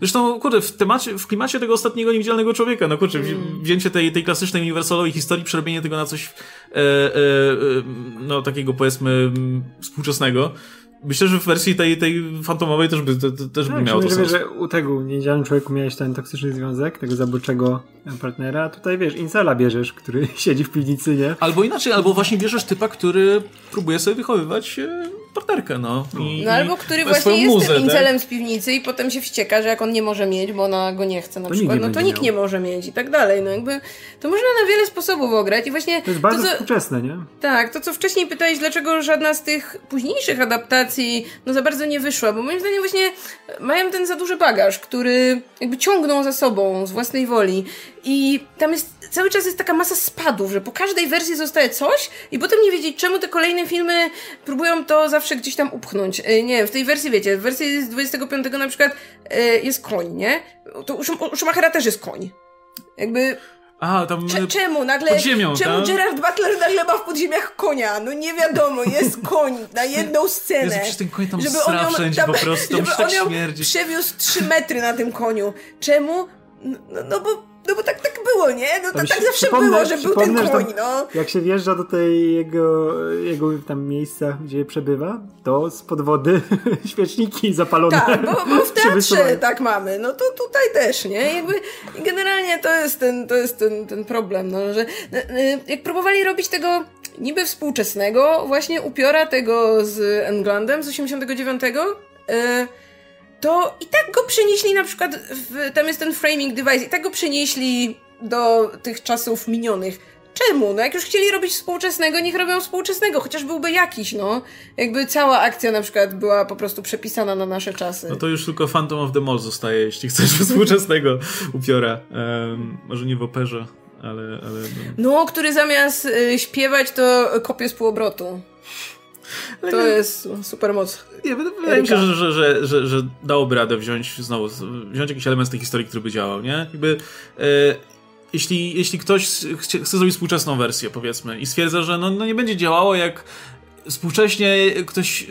Nie, nie, da rady, żeby dzisiaj ktoś współcześnie się ukrywał pod, pod wiesz, pod operą, nie? I, I, żeby nikt tego nie przeszukał i nie wykurzył typa po prostu natychmiast. No nie, ale z drugiej strony możesz się skupić na czymś kompletnie innym, nie? Możesz się skupić na, ty, na tej relacji właśnie toksycznej, powiedzmy, nie? I, albo, albo, albo nie toksycznej, romantycznej. Możesz wywalić operę na przykład, bo kiedyś opera była bardziej na topie, no nie? Jakby w tych starych wersjach mamy operę, bo opera była modna, jakby bardziej. A to dzisiaj, Dzi dzisiaj, jeśli pół filmu, kurna, oglądasz jak śpiewają operę i tu nie ma, jakby w tej wersji scenicznej jeszcze to jest najbardziej właśnie integralną częścią. W tych innych wersjach to jest po prostu, okej, okay, a teraz przerywnik, bo wystawiamy operę. Jakby wywalmy to, jakby, a to nawet Argento ciągnie to u siebie, jakby generalnie przestańmy ciągnąć ze sobą fakt, że oni muszą albo Fausta wystawiać, albo coś innego wystawiać i gdzie mamy, wiecie, pół godziny filmu zapchane tym, że no, no ładnie śpiewają, pewnie jeszcze z podkładu, nie? Jakichś tam śpiewaków operowych im podstawili, no ale po co to? Dzisiaj totalnie powinni przenieść to, wiesz, do jakiejś firmy informatycznej, wiesz, takiego pseudo Facebooka na przykład i mamy gościa informatyka, który się ukrywa gdzieś tam w piwnicach tej firmy i wiesz, i koduje dla tego e, zakochany w tym Zuckerbergu takim i mu koduje, wiesz, żeby był jak najlepszy, jak najlepsze programy miał, jak najlepszy system, nie? Jest w nim zakochany, chce zrobić idealnego z niego informatyka, nie? On sam siedzi skitrany i nikt go za to nie wyrzuca, wiesz, tylko z tym, z woźnym na przykład się kumpluje, czy coś takiego, nie? No nie, ale kurczę, no, no myślę, że myślę, że to, to jest wciąż historia, która, która mogłaby być aktualna, nie? Gdyby, gdyby ktoś, ktoś miał na to, na, na to jakiś pomysł. Ale właśnie mam wrażenie, że też problemem jest to, że ten musical jest tak bardzo popularny i, i w, ty, w tym momencie cię, wydaje mi się, że jest dużo mniejsza szansa, że ktoś się zabierze za to, niż na przykład właśnie za taką rzecz jak niewidzialny człowiek, której nikt nie rusz, nie tykał po prostu przez ileś tam lat, nie? Tutaj jednak zawsze ta spuścizna będzie i, i, i zawsze film będzie porównywany potem z, z tym musicalem, czy tego chcemy, czy nie, nie? I, i będzie musiał brać to pod uwagę, niestety. Um, więc pytanie, czy, czy No, jeszcze warto. jakby, jakby zrobili właśnie wersję, dajmy na to, nieśpiewaną i bardziej współczesną, no to spoko, to już jest tyle, tyle zupełnie innych rzeczy, że, że moim zdaniem to kompletnie, jakby są miejsca w przestrzeni na to, żeby było tych wersji dalej różnorodnych kilka. No, tylko właśnie nie przenośmy jeden do jeden, bo to nie, nie działa tak. No, a właśnie jakby, u, wiecie, u podstaw samych, no to to jest właśnie prosta historia o prostych emocjach i prostych potrzebach, więc spokojnie można ją przepisać na wiele różnych, nie wiem, właśnie konwencji, gatunków i tak dalej. No, historia o typie, który nigdy nie zaznał niczego dobrego w życiu, więc się wyżywa na innych, e, a jednocześnie ktoś mu wreszcie Myśli, że mu się należy. A jednocześnie ktoś mu pokazuje, że można inaczej. To jest kurde mega współczesne, nie? Biorąc pod uwagę tutaj kulturę internetową chociażby. Więc no, jak najbardziej. E, no dobra, słuchajcie, to na tym, na tym myślę, że będziemy kończyć. E, Podejrzewam, że... em, że no to, to już daje pojęcie, myślę, po jaki film ktoś chce sięgnąć w tym wypadku. Jeśli, e, jeśli mielibyście polecić jedną produkcję z tego całego grona, z oczywiście uzasadnieniem dlaczego ta, to, to, to która to by była. No jak to, która to by była? Ta. Nie no, jakby wiadomo, zależy kto czego szuka. Jeśli ktoś szuka właśnie bardziej horroru, no to wersja z 25, ale jeśli ktoś szuka bardziej romansu, no to, no to ta, bo jakby no, no to nie, nie jest tak, że w każdej konwencji jest nie wiadomo ile tych wersji do wyboru. Wydaje mi się, że tak naprawdę między tymi dwiema trzeba wybierać, a wszystkie pozostałe, no to nie wiem, jedne fajniej obejrzeć, innych nie trzeba, inne tam powiedzmy w celach tylko bardziej prześmiewczych, ale no te dwie są podstawowe i te dwie są na tyle różne od siebie, że wydaje mi się, że fajnie znać ob obie i te dwa podejścia. No, ja, ja u mnie Czanej na pierwszym miejscu, ale ogólnie każdą warto poznać, nie? Bo one są tak e, zróżnicowane, że każda coś e, dodaje, coś robi z tą postacią, nie? Takiego, co jest, nawet jeśli jest słabe i nieudane, to chociaż w jakiś sposób intrygujące, nie? Że nie ma jednej, nie ma jednej wersji tej postaci, nie? Że nie ma takiego zupełnego powtarzania, nie? No oprócz tego, co Schumacher zrobił, ale tak to każda, wiesz, w jakiś sposób coś od ciebie próbuje dać. Nawet ten Argento, gdzie jest słaby film, ale no kurczę, w oryginale i w książce nie masz szczur, nacierania się szczurami, nie? Jest autorski, tego nie Tak, można tak, tak, odmówić. No, ale no właśnie ja, ja, ja próbowałem tak rozgryźć, ja- jaki, jaki tok rozumowania mógł mieć, nie? I to, to, to jest to, co przytoczyłem wcześniej, ale mam wrażenie, że właśnie też cierpi na, właśnie on cierpi na tym, że jakby już istniała ta wersja, która jest popularniejsza i większa i on do niej się odnosił, nie? Mam wrażenie, nie? I, i to jest ten to jest, to jest też y, y, to, o czym Radek wspomniał, jasno, one są, one są y, różne od siebie, ale też w dużej mierze one się troszkę cytują i, i dyskutują ze sobą, nie? Jedna bierze pod uwagę drugą, co z drugiej strony z perspektywy tutaj osoby, która po prostu chce sięgnąć po jakąś, jakąś z nich, e, no to wiadomo, no, nie, nie, nie, nie przeszkodzi w oglądaniu na pewno, ale, ale oglądanie tego teraz kolejno daje, daje naprawdę dużo większy kontekst ty, ty, tych filmów, nie? Jak, jak jedne brały na warsztat coś, co wyszło albo nie wyszło w, w poprzednim.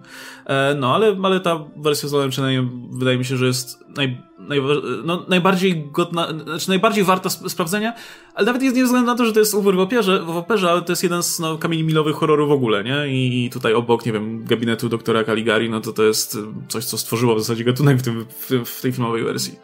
No, słuchajcie, jeśli macie, nie wiem, jeśli jest jeszcze jakaś, były jeszcze parę innych wersji oczywiście Upiora w Operze, takich mniej popularnych, była ta wersja telewizyjna z, z Charlesem Dance'em, tak? Dobrze kojarzę? Tak, no, była e, Było jeszcze parę innych dziwnych wersji, e, no ale no, nie sposób było po, pogadać tutaj o nich wszystkich. Jeśli, jeśli chcecie coś tutaj dodać, no to za, zachęcam do zrobienia tego w komentarzach. Jeśli macie jakieś pytania dodatkowe, albo chcecie, żebyśmy poruszyli ten temat, jakoś, powiedzmy jakiś aspekt tutaj tego, tego tematu szerzej, to możecie zadawać tipy lub, znaczy możecie zadawać nam pytania w tipach lub, lub superchatach. No a my będziemy, będziemy żegnać. Jeszcze I... ten, bo jeśli ktoś y, chce, wiecie, napisać nam, dlaczego na przykład film Schumachera lubi czy coś, to śmiało, o, bo, to jest... bo wiecie, ten film ma bardzo pozytywne oceny widzów, jakby krytycy jasne, krytycy dostrzegli pewnie te rzeczy, które my tu wymieniliśmy i wiele innych, ale wśród widzów to to jest film ciepło przyjęty, który ma oddane grono fanów, więc nieironicznie, dlaczego? E, Roger Ebert, Roger Ebert chwalił i dał trzy gwiazdki na, na cztery, więc najwyraźniej także i krytycy e, ciepło o tym filmie myśleli. Nie? Znaczy też widać do... Mm, okej, okay, w sensie Roger Ebert mówił, że podoba mu się to, że może usiąść po prostu chłonąć obraz. I to tyle. No może Roger Ebert e, teoretycznie jakby poszedł do teatru, to też by mu się podobało, ale nie doszedł, więc film był dla niego no. może pierwszym kontaktem z tą wersją. No, no właśnie ciekawe, czy to nie jest też no kwestia no tego, że... co, co, co, co, jeśli nie, nie widziało się w ogóle musicalu, albo nie, nie, wie, nie wie skąd się ta wersja filmowa wzięła. Tak no to mówię, to można powiedzieć jeszcze jak ten film wychodził, ale nie dziś, gdzie właśnie tutaj w tym wypadku dostęp do tej musicalowej wersji mamy i i no kurczę, no naprawdę tak ciężko nie zauważyć tych wszystkich rzeczy, które w tym filmie no nie działają, no. Od śpiewania począwszy, jak robisz muzykę. No właśnie, więc y, w kolejnym odcinku myślę, że zmienimy klimat i nie wiem, zajmiemy się czymś bardziej przyziemnym i mniej Slashy. Daleka, daleko od opery na pewno. Najdalej jak się w zasadzie tylko da. E, ale to, nie wiem, za jakieś dwa tygodnie, może, może, może ciut więcej, może ciut mniej zobaczymy. E, tym niemniej, słuchajcie, dziękujemy wam bardzo za uwagę, za wysłanie tego materiału, jeśli dotrwaliście do tego momentu. E, z nami była Marta Najman, e, Radek Pisula, się nazywam Stelmach i do zobaczenia w kolejnych odcinkach napisów końcowych, a także naszego nowego horrorowego i nie tylko horrorowego cyklu. Trzymajcie się, cześć!